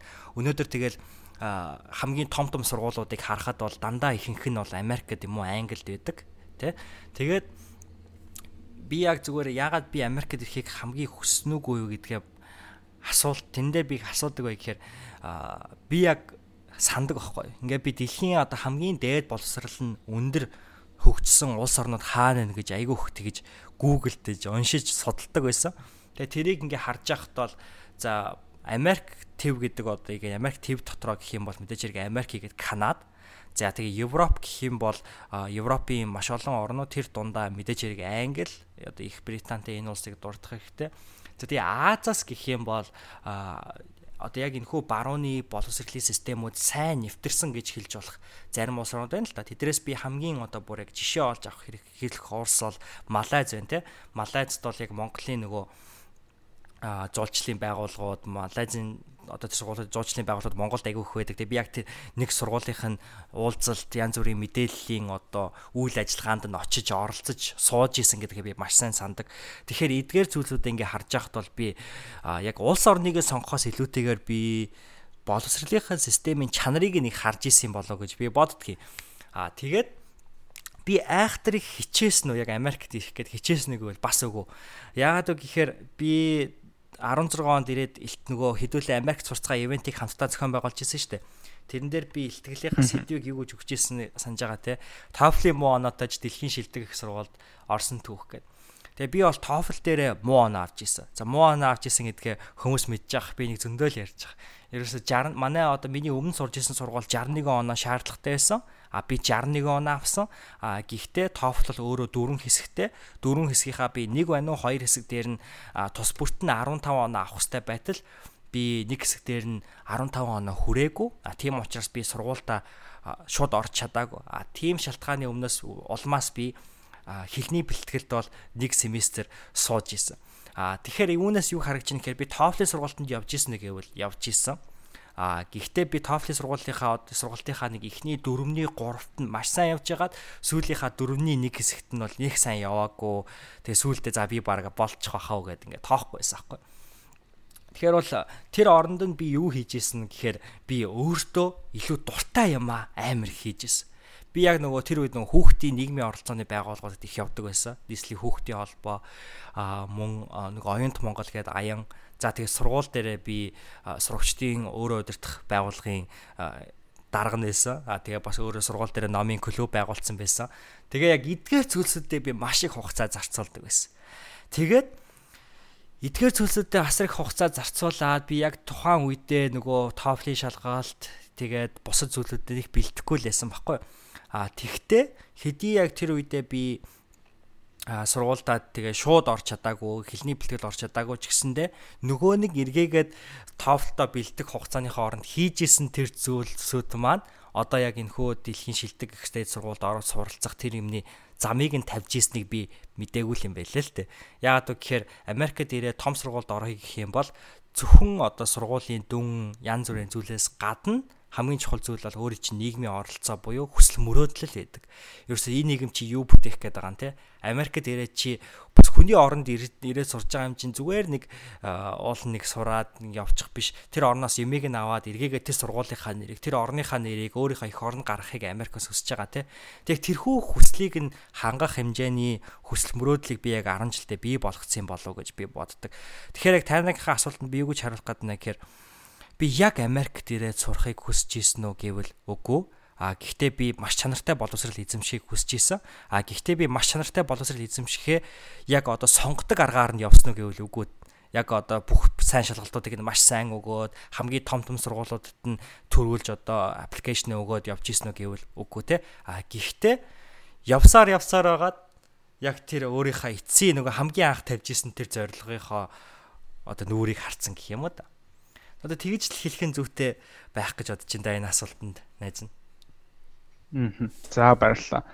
Аа би яг бэлгүүнийг хариултыг бодоод ийм сэтгэл төрж байна надад. Хүнд ирнэ тийм төгс цаг хугацаа ирнэ гэж байдаггүй юм шиг. Аа тэрхүү төгс цаг хугацаа хүн өөрөө ингээд бүтээх харин боломжтой болов гэж би хардаг. Одоо хүмүүс жишээ нь бэлгүүнийг за би TOEFL дээрээ 100-аас дээш оноо авч ижил дэлхийн топ сургуулиудад би тэтгэлэгтэй орно гэд хэрвээ чи бодоод өөрийгөө хойш нь суулгаад ч юм уу те би арай л болоогүй байна да гэж дахиад нэг жил бэлдээл 2 жил бэлдээл заавал тэр оноонд хүрнэ гэд. Тэгээд төгс цаг хугацааг магадгүй хүлээсэн бодвол өнөөдөр бэлгүүнээ яг энэ байр суурин дээр байх уу гэдэг өөрөө сонио. Аа эргээгээ тарах юм бол хүний хийж байгаа юм болгоно нөрөө зарим тохиолдолд өө шалт юм бид нэр хэрэггүй юм хийчих гэлдэг тий Хэрэггүй зүйл цаг зарцуулсан байж таг. Бэлгүүнээ эргээд энэ их сургуульд оронгууд 10 жилийн тэр сайн дурын идэвхтэй байдал тэр хүүхдийн нийгмийн идэх оролцоонд оролцож исэн зүйлүүд нөлөөлсөн гэж шүү дээ. Тэгэхээр хүнд хэрэггүй зүйл гэж байдгүй юм шиг. Яг хэрэгтэй хэрэггүй зүйл чи хийгээл яваад байгаа юм шиг хэрнээ зогсолтгүй чи хийж байгаа. Тэгээ тэр зүйлүүд нь яг эцсийн мөчөд төгс цаг хугацаагаа чи бүтээгээд байгаа юм шиг. Баг багаар чи гэхдээ өөрөө мэдэхгүй Тэгж явж байгаа төгс цаг хугацаанд бүрэлдээ нөгөө цэгүүдийг холбоно гэдэг шиг хизээ хон чиний хийж исэн юм чинь амьд болсон үед хэрэг болдог ч юм уу. Аа. Тэгээ би яг ийм хөл сэтгэл яг ярианаас нь бэлгүүнийг ярианаас төрлөө. Тэр хүн өнөөдөр зогсолтгүй л зүгээр юм хийж явах хэвээр зогсож л болохгүй. Хэрэгтэй хэрэггүй зүйлүүд бол хийх үггүй бол хүн хожим нь дүгнэлт гаргаад тэр нь хожимын хийсэн зүйлүүдээр нь үнэлэгдэх юм болов уу гэж бодогдлоо. За тэгээд шууд 3 дахь асуулт руу найз нь орлоо. За. Тэгээд бэлгүүнээсээ ярианда дурдсан 2 дахь асуулт байна. Бэлгүүнийг би ингэж боддог. Найзууд дундаа одоо ингээд подкаст хийгээд явж байгаа хэрнээ хүмүүст ингээд нөлөөлөл юм байдал шүү дээ. Нөлөөлж байгаа хэрнээ би найзууд дундаа хамгийн ихээр хүчтэй нөлөөлж чаддаг хүн гэж боддог. Тайванд бол хамгийн ихээр нөлөөлж чаддаг хүмүүсийн нэг нь бол цогт бэлгүүн дээр би хаяада жоохон ингээл маш олон зүйлд эргэлзэхээр хамгийн түрүүнд бэлгүүнээс асуудаг. Бэлгүүнээс ингээл үгийн сонсгоол. Тэгээ бэлгүүнийг хэлсэн зүйлүүд надад маш их нөлөөлдөг. Жишээ нь бэлгүүнээ Миннесотагийн сургуульд Америкт ингээ хөл тавьсан дараа араас нь алтан гэрэлгээд манай найз очсон. Энэ бэлгүүнээ тодорхой хэмжээг нөлөөлсөн. Яа тэгэхээр миний найз очиод сурчлаа. Би яагаад чадахгүй гэж тийм үү тэр залууд итгэл төрсөн. Тэгэл хавг очир очсон. Эхлээд бол хавг очир очсон. Лава очсон хожим нь би бүр хүртэл очих гэж байсан шүү дээ. Би бол сургууль ингээ хөөцөлтөө за найз нь ингээд Америкт сурахаар очиё гэд. Гэтэ тухайд миний цаг үеийн таараг байсан шүү. Бүтээгөө тий. Тэгээд ботхоор энэ олон хүмүүс чи тодорхой хэмжээгээр өөрөө анзаараа өгч гэсэндээ чи нөлөөлж чадж байгаа. Тэр энэ олон хүмүүс чи нөлөөлж чадж байгаа хүний хувьд эсэргээрээ ийм хүн тэгвэл оюутан насны хугацаанд хамгийн ихээр хүчтэй нөлөөлж чадж ирсэн. Тэр хүн нь хэн бэ? Магадгүй хүн биш юм аа гэх тийм үйл явдлыг нэрлээ ч гэвэл хамгийн хүчтэйгээр одоо чиний тархинд хамгийн түрүүнд орж ирж байгаа. Тийм хүн. Аа. За тайнада маш их баярлаа. Тэгээд бүтээгүү гэхээсээ илүү тайнагийн аймаг Америкт ирэх юм зөвөр өөр юм давхцсан гэх юм уу? Тийм биз дээ. Яг хэдүүлээ бол яг одоо сургуульд орох гээд мичиг ориентай бүрдүүлээ тийм бол хийгээгүй шүү дээ. Тий. Ер нь бол цаг үеийн тэгж таарсан тий. Тий. Тэгээд тань одоо маш их баярлаа. Миний ярьсан юмнуудыг маш гоё дүгнээд хэлж байна. Үнэхээр гайхалтай уян хатан ухаантай мундаг залуу шүү. Чиний асуусан энэ асуулт их хэцүү асуулт байна л да. Яг хэн нөлөөлсөн бэ гэхээр яг түрүүн найзанд дурдсан шүү дээ. Угаасаа 4 5 жил амьдарсан гэж бодохоор маш олон хүмүүс нөлөөлсөн болов гэж. Тэгээд Тий. Тэгэл чи одоо яг тойруулахгүйгээр л хамгийн түрүүнд орж байгаа. Одоо чинь би тэр хүнийг хэлэхгүй орхичвол одоо гомдчих юм болоо гэж бодлогоогоор магадгүй зөндөөн хүн нөлөөлсөн ба. Гэхдээ чиний тархинд магадгүй урт удаан хугацаанд бүр нөлөөлөд ингээд бодогдохоор хэмжээний тийм нөлөө үзүүлсэн л хүн. Оюутан байх цаг хугацаанд. Аа. За би энэ дээр аав ээжигээ дуртах нь маш зөв гэж бодож байна тавина. Яагаад вэ гэхээр би ерөөсөө ерөөсөө надад одоо муугар хэлэх юм бол би амар нөгөө яа юу гэдэг вүлээ дураараа дурагдаг хүн гэж хэлж болно. Ерөөсөө би нэх ингэж ээж аав ээж би нэг ингэчих үү? Би энд очиж сурчих уу? Эсвэл одоо юу гэдгийг би одоо энэ сургуульд болоод энэ сургууль руу орлоо гэдэг ч юм уу те. А тэгэл би аавдаа ч гэсэндээ за би ерөөсөө ингэчих үү гэж ерөөсөө нэг тэгж яриад учирлаа түүнээсээ нэг одоо юу авдаггүй байсан. Одоо зөвшөөрөл. Тэгээ манай аав ээж хоёр ч гэсэндээ намайг өсгөхдөө надад одоо юу хийхийг тэгэж нь юусоо зааж хэлдэггүй байсан. Тэгэхээр би нэг тийм дураараа жоохон хөөхтэйсэн гэх юм уу? а яг намайг одоо өсөж жоход намайг одоо хүн хүн болж жоход бол мэдээж хэрэг манай ээж бол амьдрал зүгээр юу зөв юу буруу гэдгийг бол хэлдэг. А гэтээ бүх шийдвэр гаргах тэр имийг надад үлдээчдэг байсан юм шиг санагддаг байхгүй. Тэгээ би одоо ингээд эргээд өнгөрсөн 4 жилийнхаа 5 жилийнхаа хугацааг ингээ харах юм бол ерөөсөө би маш олон шийдвэрүүдийг дураараа гаргасан. Аа за ингээд Миннесотад ирэх одоо яг хамгийн анх ирэх энтхүү шийдвэрийг те гаргахтаа мэдээж хэрэг би надад нөлөөлсөн хүмүүс байгаа ч гэсэндэ түүнээс хойш ирснээс хойш би маш олон шийдвэрүүдийг амар их дураараа гаргадаг гэсэн. Би ирээд мэрэгчлээ хэдэн удаа сольж исэн бэлээ. Би одоо бүр тоолж чадахгүй. Хамгийн анх улс төрийн судлаар ирж исэн. За тэгээ улс төрийн судлаар ирчээд олон улсын харилцаа олгож исэн. Олон улсын харилцаанаас би мэдээллийн систем гэдэг одоо бизнес технологи хоёрыг холбосон мэрэгжил сонгож исэн. За тэгээ эргээд энэ миний юм биш юм байна гэснээр олон улсын харилцаа олгоцсон. Тэгээд би олон улсын харилцаагаар сурж агаад за ерөөсө сургуулаас солигээд Миннесотагийн их сургуульд ороод улс төрийн мэрэгчлээ сурахаар болсон. Улс төрийн мэрэгчлээ сурж байхдаа би компьютерийн шинжилгээ ухаанаар давхар сурж ирсэн аа. За энэ миний биш юм байна гэд тэгээ би дижитал медиа олгоцсон. Ингээд харах юм бол би нийт 7 удаа мэрэгчлээ сольж ирсэн байгаа байхгүй. 4 жилийн хугацаанд. Тэгээ энэ хугацаанд мэрэгчлээ солихдоо мэрэгчлээ нэмж хасахдаа би нэг ч удаа баг ээж автайгаа би ингэчхөө тэгчхөө гэж өөсөө ярьж байгаагүй. Аа тэгээд энэ зөв үг гэх юм бол одоо би одоо шийдвэр гаргахад хэцүү л дээ. А гэхдээ зүгээр надаас хүн чи өөрийгөө 4 жилийн хугацаанд 5 жилийн хугацаанд өөрийгөө амжилттай байлгаж чадсан уу? Амжилттай байж чадсан уу гэх юм бол би амжилттай байж чадсан гэж хэлнэ. Ягаад гэвэл би нэг ч удаа өөрийнхөө хүсээгүй зүйлийг хийх гэж оролдоогүй гэх юм уу? Ерөөсөө би оролдоод үзье. Би энэ шийдвэрийг гаргасан чи би шийдвэртээ эзэн байгээд би энэ шийдвэрүүдтэй бол сэтгэл хангалуун байсан. За тэгээ би одоо юу гэх зарим хичээлүүд дээр одоо муу хийсэн үү хийсэн яагаад вэ гэхээр миний чаддаг юм биш байсан. А 58 маань хэлжсэн шүү дээ. Өөрийнхөө чаддгүй зүйлийг барьж аваад чаддаг болтлоо хийгээд гэдэг. А би болохоор тэрний амир эсрэг хүн байхгүй. Чадахгүй бол би ерөөсөө амир хаях дуртай. А чадахгүй мөртлөө дуртай байвал бас өөр хэрэгтэй. Чадахгүй ч гэсэндээ би хийгээ тэрнээс сэтгэлийн таашаал авч ивэл би түүнийг өргөжлөж чинь. Гэтэл чадахгүй дээрээс нь дургүй байвал би зүгээр л хайчдаг аахгүй. Тэр яг энэ хугацаанд би яг энэ шийдвэрүүдийг айхтрих гаргаж ирсэн. Тэг яг энэхүү шийдвэрүүдийг гаргадаг тэрхүү нөлөөг хин нэгнээс зөвшөөрөл авахаас илүүтэйгээр өөрөө бие дааж, өөрөө дураараа шийдвэр гаргаж ирсэн тэр нөлөөл тэр хүмүүжлийг өгсөн хүн бол манай аав ээж хоёр. Тэгэхээр би зүгээр өнгөрсөн 4 жилийн хугацаанд маш олон одоо гинтийн гидний шийдвэрүүдийг гаргаж ирсэн учраас би одоо яг энэ 50-гийн асуусан асуултанд ээж аваа хоёр маань л юм болов гэж хариулна да. За баярлалаа. Тэгээ бэлгүүнийг нэрэндээ би нэг зүйлийг тодтогч хэлхийг хүслээ. Аа яг миний нөгөө чадахгүй зүйлээ барьж аваад хий гэдэг тэр ярианаас хойш маш олон хүмүүс 10 жилийн сурагч дүүнер маань холбогдоод Ингээ таймнахаа би ингээд ийм мэрэгжил сонгох гэсэн. Гэхдээ би үүндээ жоохон дургу гэж байгаа. Чадахгүй. А гэхдээ тэр хич мэрэгжлийн суур хичээлүүд нь би одоо бас дургу та дуртай байсан уу ч гэдэг юм маш олон асуулт гэсэн. Тэгээ бэлгүүний энэ дээр хариултын тодорхой хэмжээнд гаргаад өгчлөө. Юу гэж хэлэх гээд байна гэхээр би өнөөдөр барилгын инженер гэдэг мэрэгжлийн хэрвээ сонгоо явахдаа мэдэж чадахгүй байсан.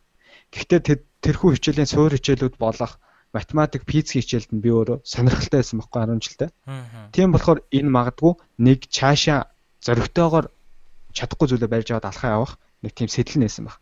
Тэгэхээр та үнэхээр математиктаа дургу, физиктэй дургу тэгээд тухайн зүйл чадахгүй байгаад байвал түүнийг би барьж аваад яв гэж бол үнэхээр зөрөгтэйгоор одоо асууж байгаа хүмүүст хэлж чадахгүй шүү. Тэгэхээр миний яриан дээр бол та бүхэн авах гэх яваханаар хандаарэ. Яг энэ дээр бол хэлэхэд хэцүүтэй билгүнэ. Үнэхээр мат физиктэй би дуртай байсан болохоор магадгүй зоригтойгоор тэр чадахгүй зүйлээд чадахын төлөө явсан байж магадгүй.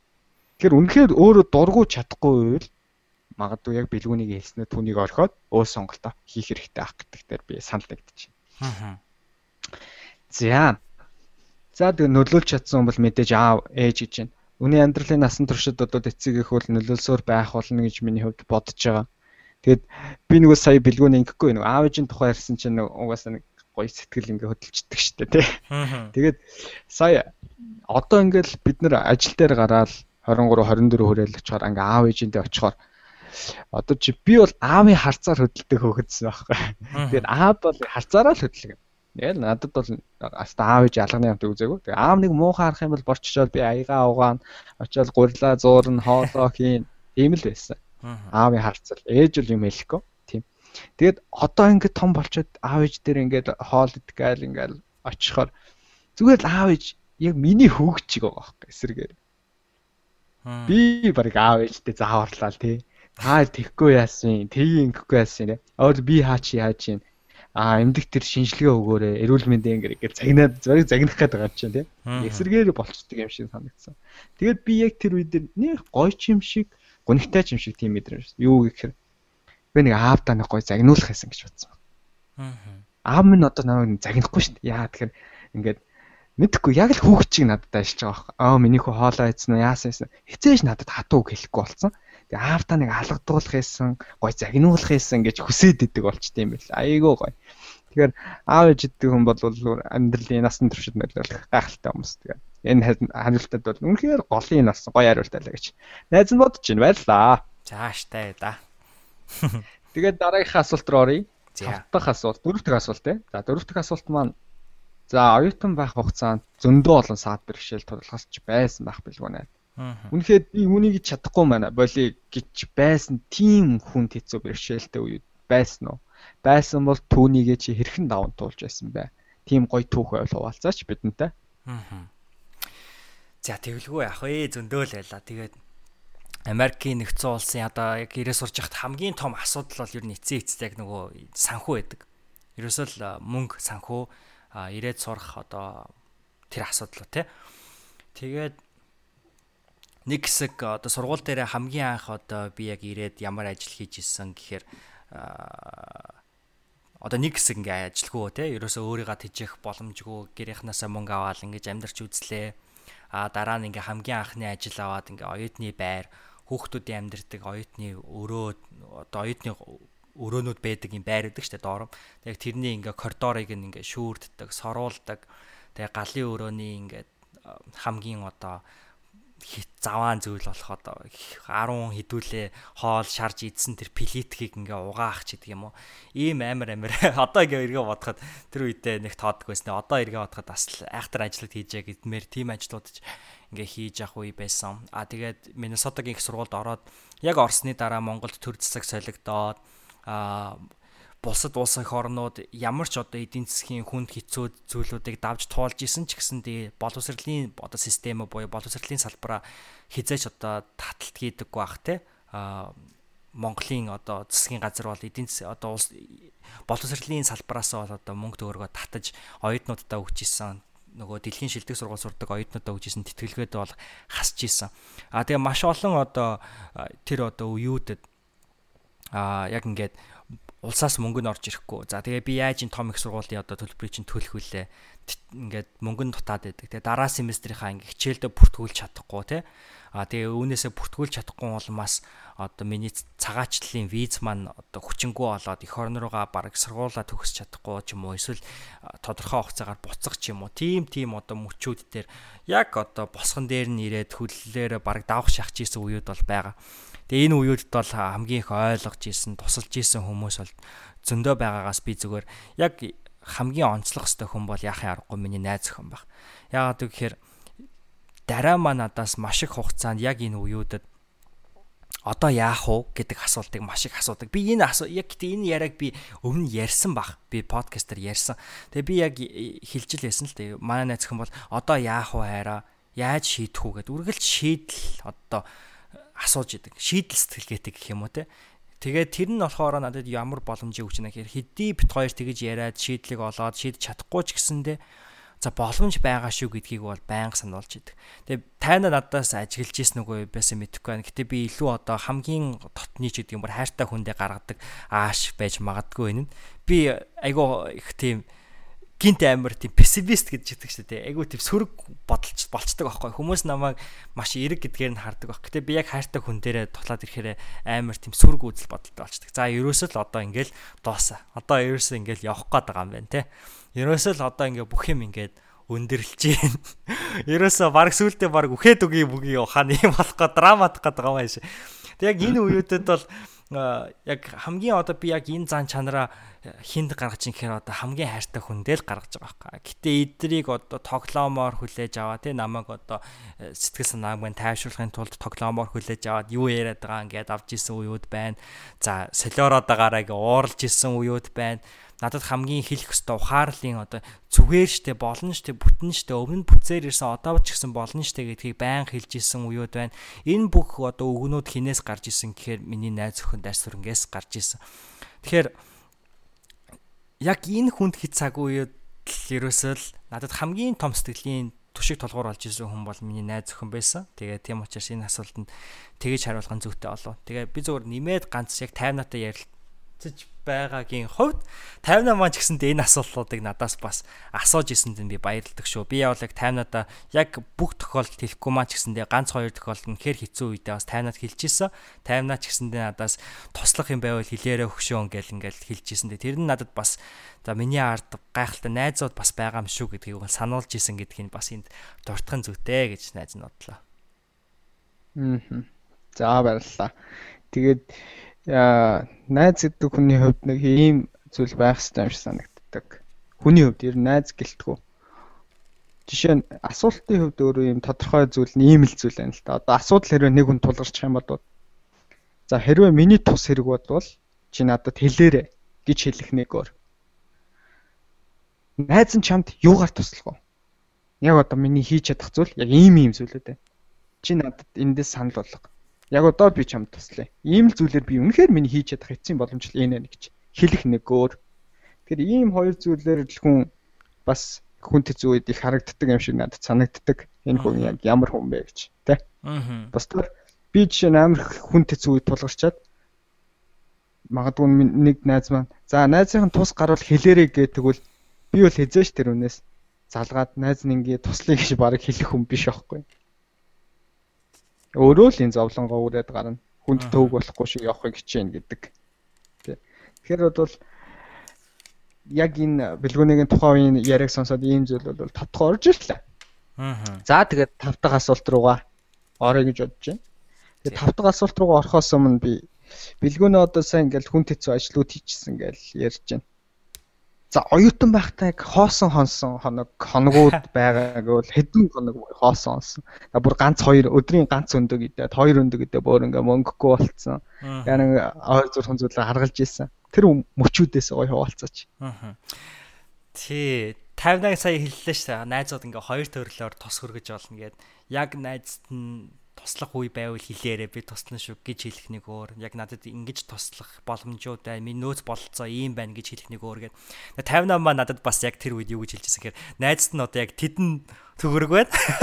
Тэ чи бүр яг тэгж хэлжсэн аахгүй. Дансанд маань одоо ийм төгөрөг байна. Энэ одоо мөнгө чамд туслах боломжтой юу гэж яг асууж исэн. Тэгээ яг 58-гийн маань ингэж хэлсэн энэ одоо зүйл 58 маань яг энэ хүү асууж байгаа асуулттай бас их холбоотой юм болов. Ягаад вэ тим уууд бол зөндөө байсан. Стадиэр хоолгүй хонох уууд бол маш олон. Тэгээд тэр үедээ бол заримдаа бол ингээд хоолгүй хонж байгаагаа юу гэх юм жишээ нь ингээ хайртай хүмүүс болох ээж авдаа ч юм уу ерөөсөө хэлэхгүй дээ.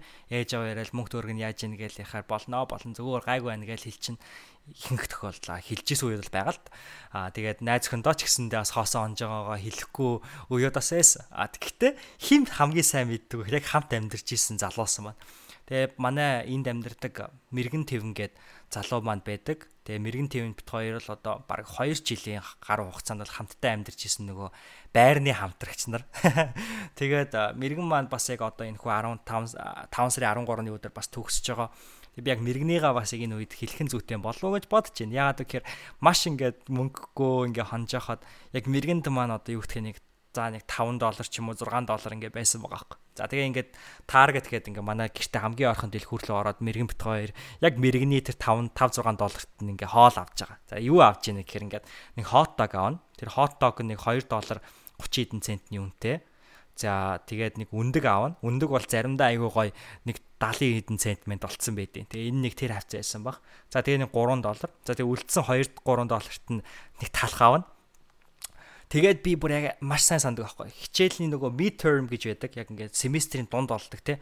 Тэг яг тэр семестрийн дунд үед нь ингээд маш их хичээл байдаг. Тэгтэл бүр ингээд үлсөд үхэх гээд байдаг. Тэгээд яг тэгжсэн чи мэрэг нь яг тийм зүйл авчираад тэгээ би яг ингээд хичээл хийжсэн чи мэрэг нь надад ингээд яг өндөг шараад талхыг нь ингээд борлуулаа. Тэгээд тэр нөгөө талхын дундуур нь хот догоо тавиад тэгээд надад тэр маш үлсэж явах үе тэгэж хоол өгч исэн байхгүй. Тэг яг энэ хоолыг ингээ идчих яхад бол яг тэр нөгөө амар хичээлдээснийг чилхөө тэр юм а хийх бол ингээд нэх гоё хичнээн зүгээр үндэг юу хот дог идж байгаа ч гэсэндэ тэр бол маш үнцэнтэй хоол байсан. Яа тэгэхээр хүнд хэцүү үед маань тусдсан болсон учраас. Ингээд надад мэрэг маань тусалж исэн. Энэ тохиолдолд бол зөндөөлөөсөн. За алтан гэрэл маань бас яг ийм үед өөрөө ч алтан гэрэл маань мөнгөгүй би ч өөрөө мөнгөгүй яг ийм үеүүдийг давж туулж исэн үед бол байна. За тэгээд манай лавга бит хоёрыг гисэн ийм үеуд байна. За тэгээд бусад найзууд олон хүмүүстэй ийм үед байна байна. Тэгээд бас өнгөрсөн сүүлийн жил ч гэсэндээ бас найз хүнтэйгээ хамт ингээд энэ ч сурж явах үед гэдэг юм уу бас өөрөө мөнгөгүй тэгээд найз өхнөө нэг гой юм идүүлчмээр байдаг те тийм үед байна гэтэл тэр үед одоо дараа маань өөрөө мөнгөтэй би мөнгөгүй байх үед те дараа маань ойлгоод надад тусдим болж исэн ч үед байна. Тэгэхээр яг энэ бол ерөөсөө л оюутан насны нэг хэсэг л ахгүй. Тэгэхээр эргээд харахад бол тэр үеэлдээ жоохон муухай ч гэдэг юм хэцүү байсан ч гэсэндээ одоо ингээ эргээд харахад бол тэр бол яг оюут насыг хамгийн амттай болгож исэн тэр үед юм болов гэж бодож байна да. Аа яг тийм шүү наач бол яг санал л. Ер нь оюутан насны хамгийн амттай гэхээс илүү амьдралд хүн зовлон зүдгүүр элбэг хангалуун бустай ингээд байх биш. Тиймэрхүү амьдралын хатуу хутуу хүн үдсэн хүнтэй ер нь уулзаад уучраад ярих ер нь тэр хүн цаашаа ингээд амжилтанд хүрэхтэй тэр магадлал илүү надад өндөр байдаг юм шиг санагддаг. Учир нь юу вэ гэвэл нөгөө хоолгүй хонохын зовлон мэддэг хүн чинь үнцнийг мэдэж байгаа шүү дээ. Тэгээд нэмгэн нойтон хувцтай нөгөө элбэг хангалуун бусын зовлон үзээд өссөн хүн чинь юмыг хайрлахын ухааныг мэднэ. Зовлон зүдгүүрийг үзээд гарцсан хүн чинь хүний яаж ухаанлаг ухаалгаар хайрлаж болох юм бэ гэдгийг бас мэддэг болчтой юм шиг надад санагддаг. Тэгэхээр бол энэ болгон ч өөрөө эргээд гоё дурсамж олж үлдчихэж байгаа юм л та тий. За ингээ бэлгүүнээ маань тав дахь асуултыг маань ерөнхийд нь хариулчлаа гэж ойлгож байна. Найз нь бол оюут насны дурсамжтай үе тэр хүмүүчүүдээс хуваалцаасаа гэж хүссэн. Тэгээ тэр зүйлийнх нь нэгийнхэн хэсэг байлаа гэж бодлоо. За ингээ 6 дахь асуулт руугаа оръё. За энэ асуулт бол их сонирхолтой асуулт байна. Оюутан насндаа авч ирсэн хамгийн гайхалтай зөвлөгөөгөө бидэнтэй хуваалцаач ээ гэж. Маш олон зөвлөгөө байгаа хэ. Хамгийн гайхалтай зөвлөгөө. Магадгүй цаашдаа амьдралд нь энэ зөвлөгөө үргэлж одоо халаасны зөвлөгөө ч юм уу байц чинь дотор явж идэг тийм гайхалтай зөвлөгөө байхыг үгүйсэхгүй. Тийм зөвлөгөө байвал хуваалцсан уу. Аа зя. Энэ асуултанд бас л адилхан маш олон хариулт өгч болно. Гэхдээ эргээгээд яг оюут насныхаа амьдралыг харах юм бол яг нэг хүнээс авсан зөвлөгөөхөөс илүү нэлээд олон хүнээс авсан амьдралын сургамжаас авсан зүйлсүүд юу вэ гэхээр нэгт ерөөсөө хүн яг одоодоо амьдрна гэдэг энэ зүйл бол маш чухал юм байлээ гэж би бол ойлгосон. Одоо одоо цагтаа амьдрий гэдэг зүйлийг ингээд маш олон хүмүүс ингээ хилдэг боллоо байна л та тий. Одоо цагтаа амьдрий гэд одоо доол амьдр гэд. Гэтэ эргээгээд харах юм бол ерөөсө хэдий энэ маш олон хэлэгддэг зүйл ч гэсэндэ хэдий энийг хүн болгон хэлдэг бүр уйлаг болох гээд байгаа ч гэсэндэ ерөөсөө л хамгийн чухал нь энэ мөнөө гэвэл мөн. Ягаад гэхээр өнөөдөр бид хит өнгөрсөндөө амьдраад өнгөрсөнд би нэг тэр тгээ хийчихтэй энийга ингээгүй бол яана. Ингээ гэсэн бол яавдаа нэрэ гэж ингэж бодох юм бол одоо урт чинь байгаа цаг мөчийг таашаах тэр жаргалаас чинь тэр өнгөрсөн цаг хугацаа хулгайлж авдаг. Ирээдүйд одоо би яах бол тий одоо би сургуулаа төгсөөд яах бол ямар ажилд орох бол яах бол тий одоо энэ бүх асуултууд одоо зөвхөн миний өмнө биш маш олон одоо сургуулаа төгсөж байгаа хүмүүсийн өмнө байгаа штэ. Дунд сургуулаа ахлах сургуулаа төгсөж байгаа хүмүүс ямар сургуульд орноо, сургуулаа тэмцэх болов, тэмцэхгүй болов ингээ айж байгаа. Гэтэл өнөөдөр тэгж ирээдүгэ ирээдүйдээ айвал бас адилхан яг урдаа байгаа цаг мөцийг чинь чамаас хулгайлдаг гэдгийг бол үргэлж санах хэрэгтэй. Тэгэхээр үедгээр өнгөрсөн хийгээд ирээдүй гэдэг хоёр цагийг ингэж зовж идгээ зүйлүүд бодож ийснаас илүүтэйгээр яг одоо байгаа цагаал хүн маш их хайрлах нь нэгт хамгийн чухал зүйл юм болов гэж би бол оюут насанда ухаарсан. Тэгээ энийг бол өнгөрсөн одоо үлдэх одоо амьдралдаа тий цаашдаа бол байнга би бодож явнаа гэж би бодож байна. Тэгээ хоёрт болохоор би аавынхаа надад хамгийн сүүлд хэлсэн зүйлийг хэлмээр байна л да. Би аавда саяхан Ямин 8 подкаст маань нийт 100 мянган хүн сонссон тий. Тэгээ би нэг аавтайгаа аава миний юм ингэсэн шүү. Аа хүүн ингээд нэг ийм амжилт гаргасан шүү. Манай хийж байгаа нэг ийм юм байгаа шүү гэд ингээд аавтаа нэг хэлээд байдаг. Гэтэ би зүгээр яг энэ үед аавтаа зүгээр хальт хэлсэн байхгүй. Оо 100 мянгааг сонссон байж аав гэ. Тэгээ аав манад юу ч хэлсэн бэ гэхээр баяр хүргэе. Ирж байгаа шүүмжлэлийг зөвөөр хүлээж авч байгаарэ гэж хэлсэн. Тэгээд би энээс хоош а хид хідэн нэг ганц хоёр нэг олон биш л те нэг ганц хоёр шүүмжлэлүүд ингээ хүмүүс хүнээс авч байгаа байхгүй. Тэгээ би нэг шүүмжлэлт нэг дуртай хүн биш. Нэг 58 манч мэдж байгаа ах. Би нэг шүүмжлэлээс илүүтэйгээр урам зоригоор ер нь бол илүү цэнэглэгддэг. Тэгээ би шүүмжлэл авчаар нь жоохон ингээд дургу өрөөддөг байхгүй шүүмжлэлсэн үнтэй. Тэгвэл тэр үедээ дургу өрж байгаа ч гэсэндээ дараа нь тэр мэдрэмжээ өөрөөсөө гаргахын тулд би нэг юм тасгал хийдэг. Тэр нь болохоор би ингээд өөрийгөө гурав дахь өнцгөөс харах гэж хичээдэг. Тэгэхээр юу гэдэг яг одоо би зүгээр өөрийгөө биенийхээ биенээсээ гарч ийн гэж төсөөлөөд өөрийнхөө тархитлагыг яг яаж ажиллаж байгааг ингээд гурав дахь хүний нүдээр хараад өө бэлгүүнээ ингэж бодоод биш үү. Наатаа одоо жоохон ингэж бодтоо гэд ингээ өөртөө ингээ хэлчихээр наа чинь яг яг энэ хүний одоо энэ шүмжлэлийг амьдралдаа ингэж хэрэгжүүлэх юм бол ийм юм зөв талууд байгаа юм байна. Тийм учраас ингээ яг ингээ өөртөө сануулдаг. Яг энэхүү сануулдаг зүйлийг маань илүү одоо надад амьдралын чухал зүйл юм шүү гэдгийг бол хоёрт одоо хамгийн чухал зөвлөгөө гэх юм бол аав маань ингэж сануулсан дээ би энийг ч гэсэн маань хүмүүс маань ойлгоорой гэж чинь ягаад тэгэхээр хинч шөөмжлөл дургуул биз дээ те шөөмжлөл гэдэг бол угаасаа хорсгож хүний одоо хоол руу ордог ч гэсэндээ а эргээгээд хүний бэйж дотор шингээд ирэхээрээ маш одоо гайхалтай им болдог. Им гэдэг зүйл бол өөрөө балиар муу хамтайсэн ч гэсэндээ хүнийг эдгээдэг. Тэгэхээр бол энэ шүүмжлэл гэдэг зүйл бол хүнийг итгэж эдгээдэг зүйл юм болов гэж харддаг. Тэгээ би бас энэ ч яг төвшин ахыг дурдах хэрэгтэй ах Positive Mongolians-ийн. Тэгээ зэмлэл магтаал хоёр зэрэг хүрч байгаа он зүгээр суугаагүй байдаг гэдэг Тэгээ энэ магтаал бол яг одоо энэ зөвлөгөө тийм ээ энэ зүйл бол надад маш их сүүлийн үед бол их бодогдож байгаа. Тэгээд гурав дахь хамгийн чухал зүйлийг би юу гэж хэлмээр байна гэхээр энэ бол миний сүүлийн 51-ийн асуултанд хариулах сүүлийн зүйл байна. Тэр нь юу гэхээр би яг энэ 7 хоног эхлээд даваа гаргийн өглөөнийг блог өөртөө зориулж бичсэн. Тэгээ би энэ блог дээр юу гэж бичсэн бэ гэхээр аа одоо ингээд 22 настай би. Тэг яг 23 нас одоо ингээд 5 сарын 25-нд хүрнэ. Тэгээд 58 маань ч гэсэн удахгүй те.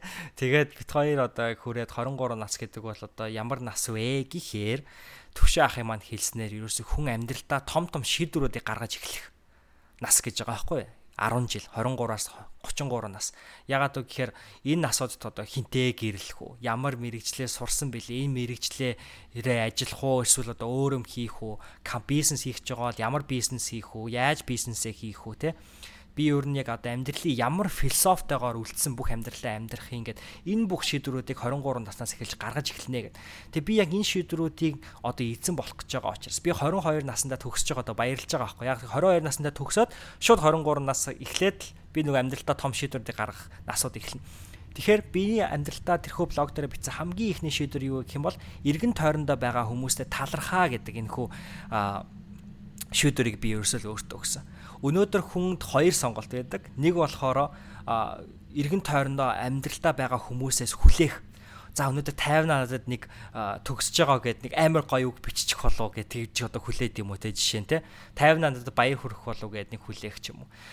Эсвэл зүгээр надад төгсөж байгаа энэ баярыг хамтдаа надтай хуваалцж байгаа хүмүүсээ нэг бол 50 юм а гэж 50-аад би талархах Тэгэхээр хүлээх хүнээс нэг юм хүлээх үү аль эсвэл эргэн тойрондоо байгаа зүйлдээ талархах уу гэдэг бол ерөөсөө амьдралыг амьдрсан шиг амьдрах уу гэдгийн асуу хариулт юм болоо гэж би бодоод байгаа. Тэгэхээр хүнээс юм хүлээгээд л те амьдралд надад нэг сайхан мөч тохиолдчих болов надад нэг юм жаргалтай юм тохиолдчих болов гэж би хүлээгээл ах юм бол би ерөөсөө ирээдүйд цагтаа амьдрал одоодоо амьдрч чадахгүй. Гэтэл өнөөдөр би амьдралдаа эргэн тойрондоо байгаа зүйл талархаж эхэлснээр би эргэн тойрондоо байгаа зүйлүүдийг хүлээн зөвшөөрч эхэлнэ. Тэгэхээр би амьдралдаа байгаа зүйлүүдийг хүлээн зөвшөөрөх нь надад маш том одоо миний хамгийн 23 наснда гаргаж байгаа том шийдвэр юм болов.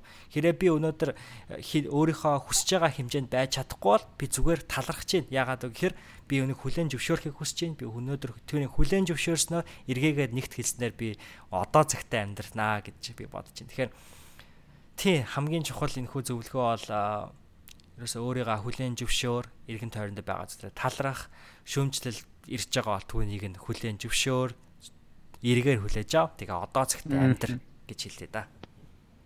Аа. За баярлаа.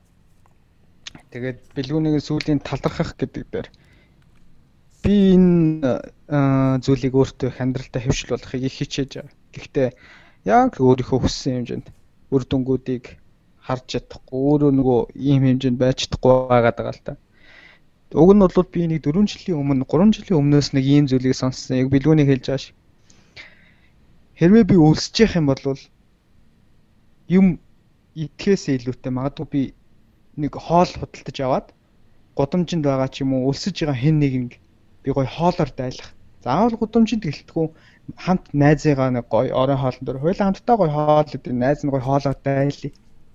Тэгээд хахаар хүн гээд нөгөө өсөжсэн мэдрэмжээ би хүн дайлцсан. Өөрөө нэг хоол идээгүй хэрнээ цадчдаг одоо жишээ нь бид нар хин нэг нэг хин нэг намайг хайрлаасаа гэж хүсдэг болвол жишээ нь хин нэгэнд хайрлагдах гэж байхынхаа оронд би хин нэг нэг зүгээр чин сэтгэлээсээ л хайрлаж ил. Бол нөгөө хин нэгнээс хайрлах гэдэг тэр мэдрэмжийг хүн өөрөө ингэж авчдаг юм шиг санаа. Тэгэхээр хүн өөрийнхөө бие цогц дотор байгаа зүйлийг өөрөө цатгахын оронд сэтгэл байна уу, ходоод байна уу цатгахын оронд одоо боддоор цатгахын оронд оюун санаа болон дотоод сэтгэлээл бид нар цатгах хэрэгтэй юм шиг надад санагд. Тэр зүйлийнх нь илэрлэл нь бол одоо өөрт авах биш гадагш нь одоо бэлгүүнийг ялж гаргах, талархах, өөгөх, энэрэнгүү байх энэ бүх үйлдэлүүд нь эргээд амьдралын хамгийн гоё тайван ад жаргалтай байдлыг авчирдаг юм болов гэж би маш олон зүйл дээрээс уншсан. Тэгээд яг үүнийг бас амьдралдаа хэрэгжүүлэх гэж хичээгээ явж байгаа. Тэгээд үүнийг бас нэмжлэхийг хүслээ найз нь. За тэгээд одоо сүүлээсээ хоёр дахь асуулт, долоо дахь асуулт. Ердөө хоёр дахь асуулт үлдсэн юм шүү дээ билэг үнэ. Тийм. За. Дажгүй юу? Дажгүй юу? За. Тэгээд долоо дахь асуулт маань За, оюутан наснда хамгийн том сургамжтай алдаа. Тэгээ тэр алдаа нь магадгүй чи харамсдаг. А үгүй бол тэр алдаа чинь чиний оюутан насанд сууж исэн хичээлүүдээс хамгийн үнэтэй хичээл нь байх уус. Тийм томоохон алдаа байвал бидэнтэй тэр алдаагаа хуваалцаач гэж хүсэж байна. Аа. Алдаа гэх юм бол олон л байдаг баг. Гэтэ би энэ дээр нэг зүйлийг л хэлхэн зүйтэй баг. Цаг хугацааг миний ирээдүйн одоо зориг гэж байна штэ тий. Би бол яг хуу ирээдүйд яг би одоо юу гэдгийг яг ийм ажилд орно тэдэн одоо төвөргөний цалинтай ажиллана эсвэл одоо ийм хэмжээний хөрөнгөтэй байна гэдэг яг ийм нэг нарийн одоо юу гэдгийг зорилгоодыг өөртөө тавьдаггүй. А миний ирээдүйн зорилго юу вэ гэх юм бол би эргээгээд нэг 50 жилийн дараах ингээ өөрийнхөө зорилгыг та бүхэнд хэлэх юм бол те 50 жилийн дараах одоо 70 идтэй бэлгүүнийг ингээ харах юм бол ерөөсөө миний хийсэн бүтээсэн зүйлсээр дамжуулан маш олон хүмүүсийн амьдралд нөлөөлч гисэн байх юмсан гэдэг ийм зорилготой байдаг. Тэгээ энэ зорилготой хүрэхийн тулд мэдээж хэрэг ийм зүйл бүтээмээр байна гэсэн ийм зүйлүүд байна. Жишээ нь яг одоо бид бүхний хийж байгаа энэ хүс ихэдэн төсөл бол цаашдаа хувь хүний хөгжлийн сургалтын академи болж одоо хувиргах ийм зорилготой байгаа тийм. Тэгэхээр энэ хүү академийн цаашаага одоо институт болоод институтээс цаашаага би их сургууль болохыг хүсдэг. Ягаад гэвэл миний өвөө өөрөө их сургуулийн их сургуультай байсан. Дорн техникгүй ухааны хүн судлалын дээд сургууль гээд манай өвөө тэрхүү сургуулийг бүтээн байгуулж исэн, амжилтуулж исэн. Манай ээж бол өөрөө захирлаар нь ажиллаж исэн. Гэвч одоо эдийн засгийн хүнд хэцүү нөхцөл байдлын улмаас л одоо тэр сургууль бол одоо үйл ажиллагаагаа зогсоохт хүрч исэн. Тэгэхээр миний одоо мө ирээдүйн 50 жилийн дараа мөрөөдөл юм бол тэр сургуулаараа дамжуулаад тэрхүү босод одоо өөрийнхөө бүтээсэн хийгээд бусдын хамтдаа найзуудаараа бүтээсэн зүйлээрээ дамжуулах хүмүүсийн амьдралд нөлөөлөх гэж би боддог л доо. Тэгээ энэ хүү зорилгодоо хүрэхийн тулд би юуг өөртөө байн хийх хийдэг вэ гэхээр хийхийг хүсдэг вэ гэж хэлэх зөв бах. Байн хийдэггүй. Гэтэ нэг 7 хоногтоо ч юм уу сардаа нэг хийдэг зүйл юу гэх юм бол reverse engineering буюу буцааж бодох гэж хэлэх юм уу? Тэгэхээр за би 50 жилийн дараа одоо яг ийм зорилгод хүрэхийн тулд би 40 жилийн дараа ийм зүйл хийсэн байх хэвээр 30 жилийн дараа ийм зүйл хийх байх хэвээр гэж ингэж ухраасаар агаад яг одоо өнөөдөр би юу хийх хэвээр вэ гэдэг дээрээ тулж иртлээ боддог. Эннийг бодохын тулд заавал ингээ бичтэнлээ даах чалбгүй өглөө усанд орж явах доо ч юм уу те сайхан ус мүсээ янзлж явах даа ч юм уу зүгээр л цаг хугацааг өөр зүйл асууж явахдаа л бодож болно те. Тэг ингэж бодсноор өнөөдөр би энэ зорилготой хүрэхийн тулд бусдад өөрөөсөө яг 50-аг хэлжсэнээр юу гаргаж өгөх вэ? Би одоо энэ хүнтэй өнөөдөр уулзахдаа ямар энергийг өөртөө хадгалах уу те? Би өнөөдөр энэ хүнтэй уулзахдаа юу ярих уу? Энэ хүн надад ирээдүйд яаж туслах вүлээ? Би ирээдүйд энэ хүнд яаж тусалж чадах вүлээ гэдгээ үргэлж бодохыг аяг өгсдөг. Тэгээ эргээгээд өнгөрсөн одоо оюутнасаа харах юм бол би зүгээр яг тэгж бодоогүй, тэгж бодсон хэрнээ тэр өдрүүдийг тэгж өнгөрүүлээгүй өдрүүд маш олон байдаг хийх ёсгүй зүйлсүүдийг хийж тэ хийх одоо тэр ирээдүйд зорилгод маань магадгүй туслахгүй байх хэмжээний гэж би итгэж байгаа хүмүүстэй цагийг өнгөрөөх гэдэг юм уу. Яг тэгэхээр өнөөдөр чиний хамтдаа цагийг өнгөрөөж байгаа 5 хүний дунд чинь чи байдаг аа гэж үг байдаг шүү дээ. Би бол тэр нь маш их итгэдэг. Тэгэхээр буруу хүмүүстэйгээ миний ирээдүйд туслахгүй хүмүүстэйгээ илүү их цаг хугацааг өнгөрүүлсэн юм болов гэж их боддог. Тэгэхээр энэ бол миний оюутан насны алдаа л гэж бодож байна. А гэхдээ энэ алдаа, энэ бүх зүйл маань 51 минь хэлжсэнээр эргээгээд ухаарал болдог учраас би харамсдаггүй гэж бол хэлнэ. Яа тэгэхээр би өнөөдөр өнөөдөр бэлгүүнээ хэн болоод бэлгүүнээ өнөөдөр энд байгаа учир шалтгаан гэвэл миний яг 50 нэвтрүүлгийн ихэнд хэлжсэнээр сайн хийгээд муу бүх учирлууд, бүх уулзалтууд, бүх үйлдэлүүд эцээ эцэст энд авчирсан учраас. Тэгэхээр энийг ухаарч чадсан гэж би өөртөө итгэж байна. Тэгээ энэ ухаарлал нь намайг ирээдүйд яг тэрхүү 50 жилийн дараах их сургуулаа байгуулсан тэр бэлгүүнээрөө чиглүүлээсэ гэж би хүсэж гин итгэж гин тэгээд хичээнч гэж бодож байна да. За тэгвэл эсэргээр би тэр үед ямар хазар тийм зүйлийг зориглоод хийцсэн юм бэ гэж боддог. Онсон зүйл гэвэл би тийм зүйлийг эхлүүлсэн миний хувьд оюутан насны хамгийн том зүйл байж тээ гэж Аа. Тийм зүйл үл юг нэрлэх бай. Энэ долоод хасал дотроо юм уу те? Долоод хасал дотроо те. За за. Аа за ийм зүйл гэх юм бол маш олон доо. Тэгээд би нэг ийм түүх хуваалцахыг айгүй хүслээ. Тэгээд нэг амжилт гэхээсээ илүүтэйгээр энэ бол зүгээр хайрын түүх. Би ингээд яг дараа маань Америк нэгдсэн улс сурах гад яг 10 7 онд ингээ ирэх гэж яхад дараат хоёр яг өмнө жоох үйл ойлголт гараад бит хоёр ингээ муудалцсан байхгүй. Тэгээ бараг дараа маань Америкт ирэх үгүйгээ тэрхүү шийдвэрээ одоо болох ч юм уу, өөрчлөх ч юм уу яг ийм төвшин хүртлээ бит хоёр жоох үйл ойлголцол гараад а гэхдээ дараа бит хоёр бол тэр одоо үйл ойлголцлоос ойлголцлоос маш их зүйлийг сурсан учраас өнөөдөр хүртэл ингээ хамтдаа байгаа гэж итгэж байна. А гэхдээ тэр үед би дарааг би ямар их гомдооч оо гэж би бүр ингээ бодож ирсэн аахгүй. Тэр охин энэ охин надад хайртай, надад хайртайгийн учраас өнөөдөр Америкт 50 мууж байхад тэр 50 муужаас Миннесотаг сонгоод манай миний сурж байгаа бүр сургуулийг сонгоод над дээр ирж яхад нь би ямар их гомдооч оо гэж их бодож ирсэн. Тэгээд яг тэр үед нь надад ингээд байсан мөнгө нь гэвэл яг нэг онгоцны плетийн л мөнгө байсан аахгүй. Тэгээд би өнөөдөр дарааг зүгээр Миннесотад баг ирэхэд би зүгээр муудалцсан байсан учраас тосоод авахгүй ч байх хэмжээний байвал дараа баг угсаа ойлгомжтой муудалцсан байсан гэж хүлээж авахаар гэтэл тосоод авсан ч гэсэндээ дараагт хоёрын одоо тэрхүү муудалцлаас болоод учрах уулзал жоохон тиймэрхүү байх байсан учраас би ямар нэгэн зүйл хийх ёстой байсан. Тэгээд дараа маань Америк нэгдсэн улсад ирж байгаа хамгийн анхны хот нь Сан Франциско хот байсан. Тэгээ би яг тэр шийдвэрийг гаргахдаа би амар их айжсан. Ягаад гэвэл яг нэг их сургуулийн эхлэх гээд яг их сургууль эхлэхээр чи маш их мөнгө зарцуулагддаг те. Сурах их сурах хүчгүүдээ аавна тэгэл одоо өөр мөнгө зарцуулна. Тэгэхээр надад тэр онгоцны плетийн мөнгө бол өөр зүйлүүд зарцуулах хэрэгтэй одоо зүйлүүд байсан. Тийм учраас би энэ мөнгийг зарцуулж чадахгүй бол магадгүй өөр одоо асуудлууд байсан учраас айж исэн. А тэгээ би яг нэг найз руугаа биччихсэн аахгүй. За золбоо би ерөөсөө одоо Сан Францискогийн плет аваад явлаа. Чи юу гэж бодож чинь гээд. Тэгээ манай золбоо юу гэжсэн бэ гэхээр чи өөрөө л мэд байсан. Тэгээ би тэр золбоотой бичсэн мессежээ яагаад айгүйх боддог вэ гэхээр би золбоод ингэж хэлжсэн аахгүй. Өнөөдөр би яг зоригтойгоор шийдвэр гаргах юм бол хичнээн энэ мөнгө бол дахиад олдно. А гэхдээ энэ дурсамж бол дахиж олдохгүй штэ гэд би яг золбоо тэгж хэлчихэд тэгээ би яг тэр үдэн шууд онгоцныхаа плетийг аваад а онгоцныхаа плетийг аваад маш их зүйлүүдийг ингээд зохицуулаад тэгээд Сан Франциско руу нисэж очиж исэн. Тэгээ би дараад Сан Франциско дээр байгаагаа ерөөсөө хэлээгүй. Тэгээ би нөгөө дарааг Сан Франциско дээр буучаад аль одоо үүднээс гарч ирэхийг ерөөсөө мэдэхгүй байсан аахгүй. Тэгээд би ингээд тэр нөгөө онгоцны бодол чинь олон улсын хэсэг дотоодын нислэгийн хэсэг гэдэг байгаа шүү дээ тий. А гэтээ тэр хоёр нисгэлэг нь ингээд дотоороо холбогдчихдаг. Тэгээд би дараа ингээ олон улсын нислэгийнхаа хэсгээс гарч ирчээд бүр ингээд дахиж гарч бүр гардаа гарчаа дахиж ингээд наашаа олон дотоодын нислэг рүү орж ирэх юм болоо гэж бодоод дотоодынхаа нислэгийн хэсгээс гарчиж байгаа байхгүй. Тэгээ ингээд гарчаад ясан чинь нэг л биш ээ. Бүр ингээд миний зүүн сайван бүр энэ юусоо биш ээ гэж мэдээд тэгээ би буцаад нөгөө хэсэг рүү орох гэсэн чинь нөгөө шалгалт хийдэг шүү дээ. Амар урт оч ихтэй нөгөө шалгалт нь ёо бүр ингээ зүрх пул пал хийгээ. Дараа над руу бүр ингээ 4 5 6 7 8 удаа залгаа заа.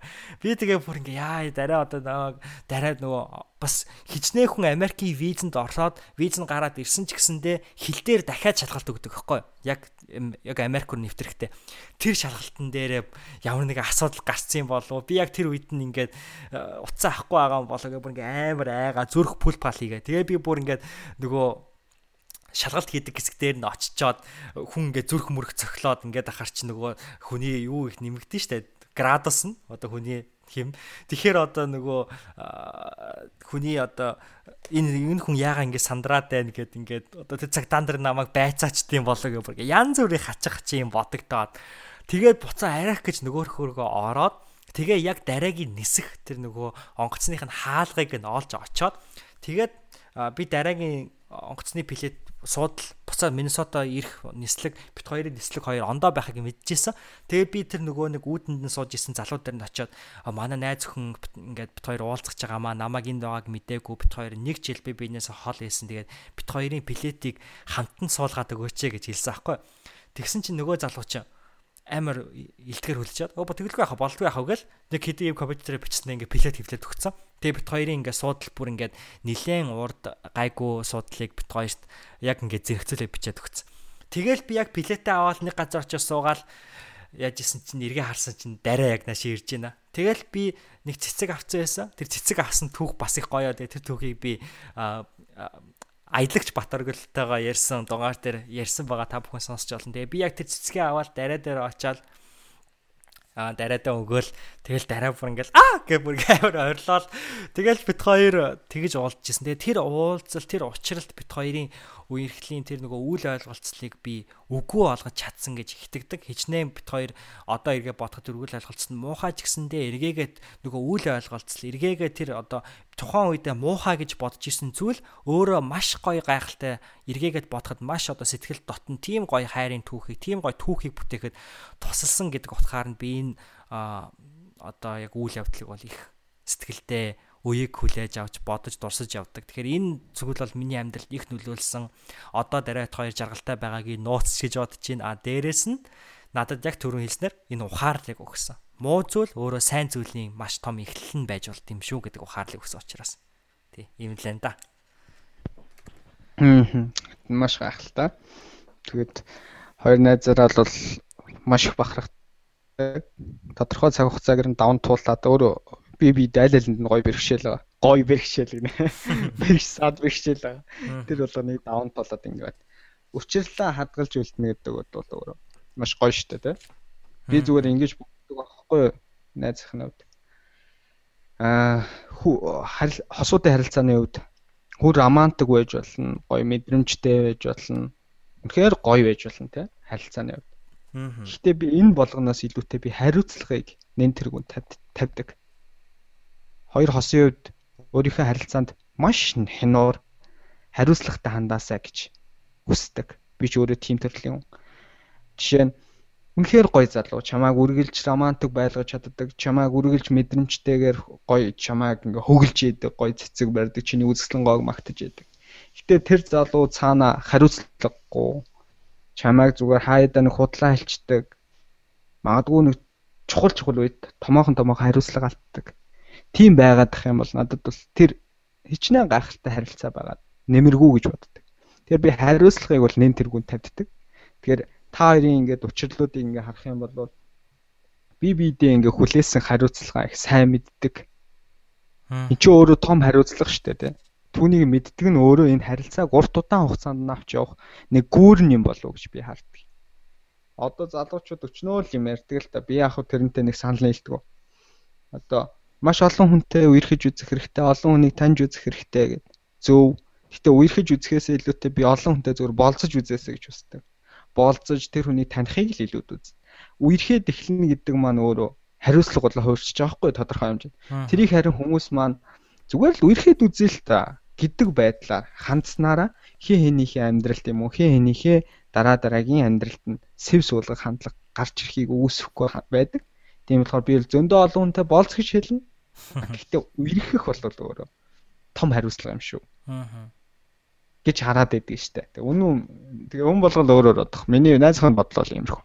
Окей, ингээд сүүлийнхээ асуулт руу оръё.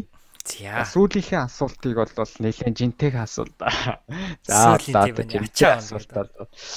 Жинтэй гэхээсээ илүү маш олон хүмүүс энэ хариултыг бэлгүүнээс үдэж байгаа. Өнөөдөр би бэлгүүнээс аа тэр Сэхэтэн гэдэг актайн болоо цаашаа сургууль болно гэдэг Энийг бол би бас өмнө сонсож байгаагүй зүйлийг сонслоо.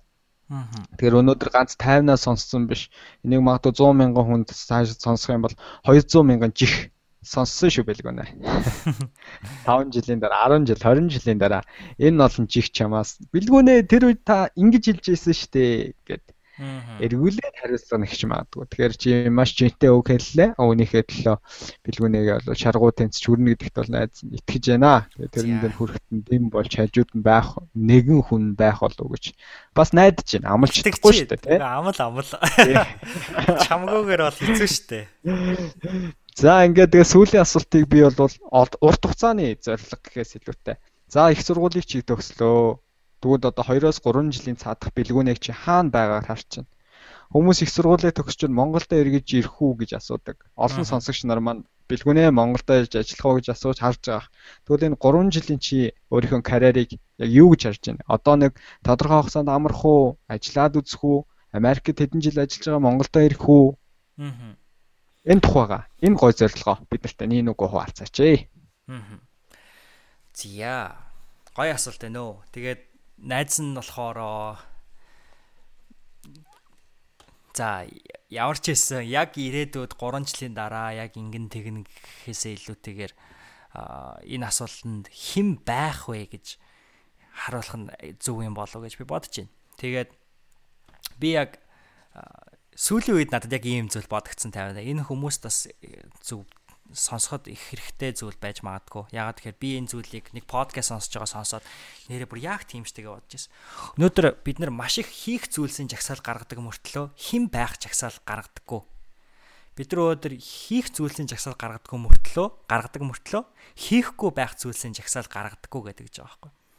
Тэгэхээр 3 жилийн дараах одоо бэлгүүнээс за хийх зүйлсийн жагсаалтаа гаргаж ирээд ийм ийм зүйлүүдийг хийж чадсан уу гэх юм бол магадгүй би олон зүйлүүдийг хийж чадаагүй гэд ингээд хоосоо орхих юм гаргаж ирэх байх. А гэхдээ би яг дахиад нэг зүгээр 51 зүйлс төрөн хэлсэн жинтэй хариул гэдэг. Тэр 3 жилийн дараах бэлгүүнээс чи ийм хүн байж чадсан уу гэвэл би бүгдөөрэнд нь чадсан гэдэг хариултыг өгөхийг бол маш их хүсэж байна.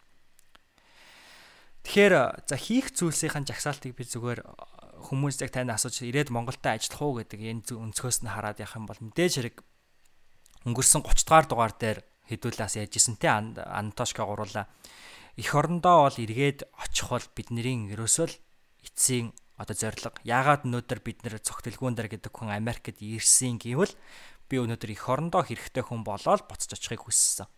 Тийм учраас энэ зүйл бол яг хിവэрэ байгаа. Эх орондоо бол эргээд очин 3 жилийн дараа бол магадгүй бүр яг эх орондоо яг жинхэнэ ажиллаад амьдарч явах үеийг бол гэж би бодож байна. А зөв их 3 жил хүртэлх хугацаанд би юу хийхээр зорж байна гэхээр а мэдээч хэрэг яг энэ хүү сэхэтэн төсөл бол цаашаага улам хэрэгжээд өргөжих ийм төлөвлөгөөнүүдтэй бол байгаа. Энэ төлөвлөгөөнүүд бол нэлээд нарийн байгаа. А за тэгээд зөв хов хүнийхээ үүднээс гэх юм бол би а яг одоо ирээдүйн 50 жилийн дараах тэрхүү өөрийгөө харахын тулд яг одоо Америкт боловсролын систем, яг Америкт байгууллага яаж ажиллаж байна энэ бүгдийг бол дундаас нь орж мэдрэхийг хүсэж байгаа гэдэг учраас утгаас бол Америкт ажиллах 1 жилийн хугацаанд ажиллах боломж олддог. Тэг яг энэхүү боломжоор л ажиллана. За тэгээд ажиллаж хаад а Монголдоо нөгөө сэхэтэн төслөөрөө цаашаа өргөжүүлэх юмнуудаа хийн. Тэгээд яг энэ зүйлүүдийг бол хийн гэдэг зүйлдээ гажигсаалтан дээр бол биччихье. А хэн байх вэ гэдэг зүйл дээр би юу гэж хэлмээр байх юм бол би өөрийгөө хоёр үгээр ер нь тодорхойлох юм болов гэж би бодоод байна сүүлийн үед. Нэгт болохоор бүтээгч гэж би өөрийгөө тодорхойлж байгаа. Айгүй өнгөрөө зүйл ээж магадгүй. Гэтэ би а өөрийгөө юу гэж харж байна гэхээр би нэг байгаа зүйлийг барьж аваад илүү сайн болгох бол миний нэг чадвар юм байна лээ. Би энэ энэ семестр нөгөө олоо юу юунд суус ахгүй юу?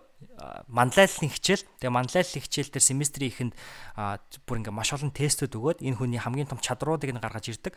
Тэгээ миний хамгийн number 1 чадвар одоо яг сэтгэл зүйн салбарынхны тодорхойлсноор болохоор maximizer буюу сайн зүйлийг аваад илүү супер болгох чадвартай гэж байгаа байхгүй.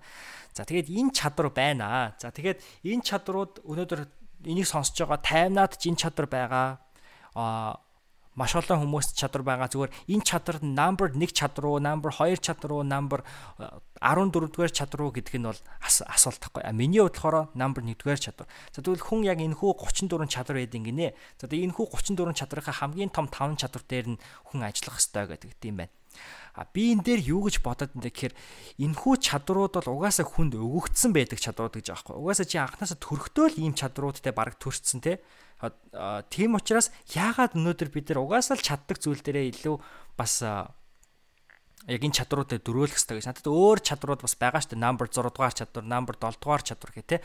Тэгвэл энэ чадрууд за хийгээд тэгвэл надад энэ бас байгаа энэ хүү шилдэг 5 чадвараа илүү сайн болгохын тулд би юу хийх ёстой юм гэдэг нь асуулт тахгүй тий. Өнөөдөр бид маш олон сэтгэл зүйн тест өгдөг штэ. Хэдүүлээж гэсэн нөгөө зан аашны 16 зан гэдэг лайв хийжсэн те тайна. Тэгэхээр энэ хүү лайвыг хүмүүс сонсоод би энэ чадваруудтай байна гэж чадваруудаа мэдчихсэн баг. Тэгвэл энэ чадваруудыг өнөөдөр мэдсэний хэрэг юу байгаа? Өнөөдөр бид тэр тэдхүү чадваруудаа яг хийх хэрэгжүүл тэр чадваруудаа хэрэглэхгүй юм бол тэгэхээр би одоо 3 жилийн дараах хэн байх вэ гэх юм бол яг энэ хүү чадваруудаа хэрэгжүүлээд ор хоосон зүйлээс ор хоосноос альва зүйлийг бий болгочдөг бүтээгч байхыг хүсэж байгаа. Тэгэхээр өнөөдөр бэлгүүнээ 3 жилийн дараа чи бүтээгч хүн байж чадсан уу гэвэл би чадсан гэдэг хариултыг хүсэж байна. А хоёр талаараа миний хамгийн аж аргал таашаал авдаг зүйл юу гэх юм бол өнөөдөр би подкаст хийж байгаас өнөөдөр би 50 надаас надтай хөтлөгч хийж байгаас ямар яагаад их баярлж байна гэх юм бол 50 миний ярьсан зүйлсүүдийг базаад маш гоё одоо дүгнэлтүүдийг өгч ин тэ энэ гайхалтай дүгнэлтүүдийг маш олон хүмүүс сонсоосоо гэдэг үднэс би өөрийгөө түгээгч гэж хардаг. Тэгэхээр би өөрөө 3 жилийн дараа маш олон мессежүүдийг маш олон гайхалтай зочдын үг маш олон одоо Монголынхоо хийгээд дэлхийн гайхалтай хүмүүсийн ард түмэнд өгсөн, хүн ардад өгсөн тэрхүү мэдлэг боловсролыг түгээхийг найз нь хүсэж байгаа. Тэгээ 3 жилийн дараа надаас хин нэгэн чи түгээгч байж чадсан уу гэвэл би түгээгч байж чадсан гэдэг хариултыг өгмөр байна. Тэгээд хамгийн 3 дахь одоо сүүлийнхэн зүйл нь хэн байж чадсан уу гэдэг хариулт нь юу вэ гэх юм бол хайрлагч байж чадсан уу гэдэг хариултыг өгмөр байна. Тэгэхээр өнөөдөр хүн хорвоо төр ирээд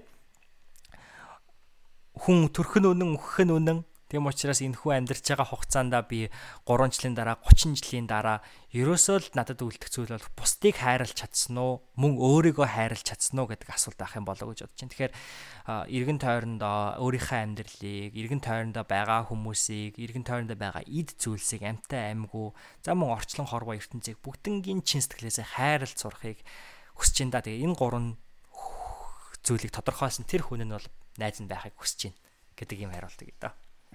Аа. За маш их баярлалаа. Сүүлийн хариулт бол тэр дунд миний сэтгэлд маш гоё зөөлхөн дулаахан сонсгосон гоё хариулт байлаа. Хайр. Хайр. Ер нь бол хүн сүүлийн үед миний анзаарч байгаа нэг л зүйл өрдөө тэр хүн яг энэ хорвоо дээр ирэхдээ шав шалт ярддаг. Аа энэ хорвоогоос хүн насаа эцэлээд буцахдаа тэр хүнийг бид нар шав шалдан өлгийн дороогоод ингээд үдэн гаргадаг. Тэгэхээр би тийм зүйлийг өөрөө ингээд тунгаан бодохдоо юу гэж утсан бэ гэхээр нэрэл энэ хорвоогийн хүн болж төрсний утга учир бол хэн нэгнийг хайрлах, хэн нэгэнд хайрлуулах. Би ямар олон хүнийг хайрлсан юм бэ? Би ямар олон хүнд хайрлагдсан юм бэ л гэдэг бол энэ амьдралын эцсийн зорилго юм байна да. Энэ амьдралын утга учир тэр юм байна да л гэдгийг ойлгосон. Тэрэн дээр бол би бат ойлгосон. Аа, эрх мэдэл, мөнгө, төгрөг, нэр хүнд. Энэ бол зүгээр амьдралыг хүн өдөр болгон утга учиртай болох өдөр болгоно нөгөө сонирхолтой байлгах тийм л нэг хэрэглэгдэхүүн. А том зургаар харах юм бол хайр л юм байл. Гэрэн сүүлийн хариулт бол маш гоё байлаа. Тэгээд ингээд миний магадгүй асууж амжаагүй тийм зүйлүүд байх юм. Аа тий бэлгүүнийгийн цар сүүлийн хариулт донд нэг ийм зүйл гарч иж байна л да. Хэн байх гэдэг. Би яг энийг хэлэхгүй бол болохгүй юм шиг санагдаад байгаа болохоор найз нь жоохон яриаг нь сонжруулаад хэлчихэ. Хэлэх яах хэн байх гэдэг дээр яагаад би их ач холбогдол өгöd байгаа юм бэ гэхээр би энийг хэлэхгүй бол ингээд сэтгэл дотор нэг л юм байна. Юу вэ гэхээр аа одоо маш олон залуучуудыг одоо сонсож байгаа хүмүүс харж байгаа. Бэлгүнээг харж байгаа, таймнаг харж байгаа. Зөндөө олон залуучуудыг оо энэ ямар мундаг агаа вэ? Энэ залуучууд ёстой үлгэрч ямар мундаг байна гэж. Гэхдээ жишээ нь хүн хизээч яг ярьж байгаа шигэ амьдрал дээр тийм байдаггүй 100% тэрнтэйгээ нийцдэггүй. Тийм үү бэлгүү нэ. Энтэй санал нийлэх үү? Нийлэх яах. Окей, нийлнэ. Тэгэхээр харин тэр ярьж байгаа шигээ хүн үнэнд төгсөн байх, хөлбөр нь байх боломжтой гэдгийг би харсан. Яа тэгэхээр миний ойр дотны зарим хүмүүс одоо миний номын хилцүүлэг одоо ингээ ярьж байгаа зүйлүүдийг сонсоод зарим тохиолдолд нааг зэмлдэг. Юу гэдэг вэ гэхээр тамина чи ярьдаг шиг л байгаа ч гэж нааг загиндаг. Би маш гоё хүлээж авдаг. Үнэн байхгүй. Би одоо таймгийн тарих юу гэж ажиллаж байгаа вэ гэхээр таймна чи ийм л байх ёстой шүү. Амьдралын хамгийн зөв зам нь энэ шүү гэдэг утгаараа би ярьж байгаа байхгүй өөрөө төвлөрч байгаа болох. А гэтэл хүн амьдрал дээрээ нөгөөтхөө хэн байх вэ гэдэг дээрээ тулаад очихороо эсэргээр үйлдэлүүд хийх магадлал өндөр болдог. Тайв одоо амьдрал дээрээ яг үнэн тайван нь юу вэ гэхээр те тайвнаа хараалын үг хэлдэг. Яг ингэ ярьж байгаа шиг заримдаа ухаантай үйлдэлүүд хийхгүй. Хэн нэгэнд хатуу үг хэлнэ хин нэгний гомдоох харгас муухай үг хийн хэлнэ яг тайнаа тийм төгс ярьж байгаа шиг төгс хөлбөр байж чаддгүй тэгэхээр хэн байх вэ гэдэг дээр бол хүн илүү төвлөрснөөрөө яг тайван ярьж байгаа тэр хүн дээрээ илүү үнэнд орцсон хүн байх магадaltaй магадлалын хувьд бол илүү нэмэгдэх боломжтой гэдэг санааг найз нь хэлэх гээд байгаа юм. Тэгэхээр маш олон сонсогч байгаа тэр хүмүүс энэ мундаг агаа, энэ өстой гоё агаа шүү. Энэ хүн шиг л болох байсан. Битээ тэгж бодоорой тэр хүмүүс жоохон муухай хэлчихэд тэр хүмүүс эзэж ярьж байгаа шиг дажгүй биш шүү. Биднэрт асуудал байгаа. Бид нар зүгээр тийм байгаасаа л гэж хүсдэг. Тэрийгээ л ярьж байгаа. Биднэрт алдаа өчнөө байгаа. Тийм болохоор чи өөртөө л хамгийн гой төгс үлбэр. Тэр хэнийг хизээж битгий гэж бод. Гүн гүнзгий гой тунгаан бод. Тийм хариултыг хэлхийг хүссэн. За тэгээд сүүлийн хормыг одоо их сургуулийн босхийг төгсөж байгаа. Бэлгүүнээ найз та. Найз нь асуулгаагүй үйлдэлсэн тийм зүйлүүд маш олон байна. Тэр дундаас чи гоё базаад сонсогчдоо гоё төгсгөлийг гоё хийгээсэй гэж хүсэж байна. Төгсгөлийг зүгээр л чамд үлдээ одоо. За маш их баярлалаа. За тэгээд хамгийн эхний асуултандаа би хинт хинт талархаж байгаа, юунд талархаж байгаа хэлсэн. Тэгээд үнд дурддагдаагүй, дурддагдсан хүмүүстэй би бүр чин сэтгэлээсээ талархаж байгаагаа дахин дахин дуртахын зүйтэй болов. Тэгээ их сургууль ингээд төгссөний дараа одоо Монголын хуучин ойлголтоор бол бид нар нөгөө сэхэтэн болж байгаа тий. Хуучин ойлголтоор бид нар сэхэтэн анги болж байгаа. Ихтэй сургуулийн диплом аваад. Гэтэл өнөөдөр бид нэр сэхэтэн төсөл гэд ингээд яагаад бид нэр сэхэтэн гэж нэрлсэн бэ гэхээр өнөөдөр сэхэтэн гэдэг 21-р зууны өнөөдрийн бидний амьдарч байгаа ойлголтоор сэхэтэн гэж юм бэ гэхээр энэ бол анги давхарга биш, аль нэг диплом гартаа хатгсан тэр хүн биш. Өнөөдөр яг 58-гийн маань хэлж байгаагаар хин нэг нэг даган дуурайхаасаа илүүтэйгээр, хин нэг нэг шүтгэхээс илүүтэйгээр өнөөдөр өөрийгөө таньж мэдсэн сэрч сэхэрсэн хүнийг сэхэтэн гэж хэлдэг юм шүү гэж би ховдоо боддог. Тэгээ энэ хүү зүйлийг хүмүүстэй бас дахин дахин хэлхийг бол хүсэж байна. Хүмүүс асуудаг л да яагаад сэхэтэн гэд нэрлэлцээ арай сүрчин нэр штэ гэл те. Манай аавч гэсэн надад хэлж исэн битгий хүмүүсийг одоо анги давхаргаар нь ингээд тэгээд яагаад тэгэхээр манай аавч нь өөрөө яг энэ одоо зүйлийн эсрэг хувьсгал хийж явж исэн хүн учраас тийм ээ аавд маань их сонирн байдлаар туссан баг гинт хүүн яагаад өнгөрсөн одоо коммунист нийгмийн сэхэтэн гэдэг анги давхаргыг яриад байна гэдэг. Гэтэл өнөөдөр яг тэрхүү коммунизмаас өмнө буюу тэрхүү харгислалаас одоо олон мянган монголчуудыг алсан тэрхүү нөөлөөс өмнө өнөөдөр сэхэтэн гэж хэн байсан бэ гэхээр өөрсдийгөө маш сайн мэддэг. Өнөөдөр Монгол их орон Монголын арт түмэн гэж хэн бэ гэдгийг мэддэг, түүхээ мэддэг, сэрч сэхэрсэн тийм ээ. Тэр хүмүүсийн зарим нь гэртээ сургууль сурсан тийм л хүмүүс байгаа шүү дээ. Өөрсдөө битааж боловсрал эзэмсэн маш олон хүмүүс Монголын сэхэтнүүд байсан, байсаарч ирсэн, байгасаарч байгаа. Тэгэхээр өнөөдөр та их сургуулийн дипломтой бай, дипломгүй бай, сургуультанд суусан бай, суугаагүй бай. Та бол өнөөдөр үнэхээр өөрийгөө таньж мэдж байгаа бол өнөөдөр амьдралын утга учирыг мэдж байгаа бол та бол сэхэтэн юм аа гэж би хэлмээр байна. Тэгээд эцэст нь зүгээр 50 бит хоёрын хийдэг эдгээр зүйлсүүд бид нэр 50-аас сэхэтэн гэж хэлэх гээд байгаа юм биш. Өнөөдөр цогтөлгөөн дээр сэхэтэн гэж хэлэх гээд байгаа юм биш те. Бид нар бол сэхэтэн мөн үү биш үү гэвэл магадгүй би биш гэж хариулна. Яагаад вэ гэхээр бидний эцсийн зорилго бол өнөөдөр бид нар сэхэтэн хүн болохын төлөө амьдарч байгаа. Тэгэхээр өнөөдөр бид сэхэтэн болохын тулд та бүхэнтэй энэ хүү подкастыг хийж байгаа. Өнөөдөр бид нар сэхэтэн болохын тулд ирээдүйн маш олон том зорилгоодыг өвөртөлж байгаа. Тэгэхээр сэхүүр сэхэтэн болохын тулд хэдүүлээ энэ хүү хамтдаа замыг хамтдаа туулъя гэж би эцэст нь хэлмээр байна. Тэг их сургуулийн босхийг ингээд их сургуулийг дүүргээд ингээд босхийг нь алхаад явхдаа цаашдаа би өөрийгөө сэхэтэн болчлоо гэж бодгоос илүүтэйгээр сэхэтэн болох тэрхүү аялал маань үргэлжилсээр байна гэж би бол бодож байгаа шүү гэж ингээд эцэст нь хэлье. Тэгээд үргэлж хамт байдаг бүх сонсогч нартаа, найзуудаа, гэр бүлийнхэнтэй, хамаатан садандаа, хайртаа, хүн болгонд маш их баярлаа. Тавина ба чамд ч баярлаа. За ингээд өнөөдрийн Нэмэн 8 подкастын 33 дахь дугаарын эрхэм хүндтэй зочноор оролцсон. Цогтөлгүүн дээр найздаа. Төвлийн их баярлаа. Ингээд сонсож байгаа та бүхэндээ маш их баярлалаа. Хэрвээ энэ яриа та бүхэн таалагдсан бодвол өшөө олон хүн түгээгээрээ бидрийг дагаарай. Маш олон сэтгэлүүдийг бидэнд ирүүлээсэй гэж хүсэж байна. Ингээ хамтдаа байсан та бүхэндээ маш их баярлалаа. Маш маш маш баярлалаа. Сонирхолтой дугаараар уулзна гэдэгтэй итгэлтэй байна. За баяртай. Баяртай. За энэ хүрээд манай Ямин подкастын маань 33 дугаар дугаар өндөрлөж байна. Тайнагийн маань хөтөлсөн энэ хүү тусгай дугаар та бүхэнд маань тун их таалагдсан гэдэгт би итгэлтэй байна.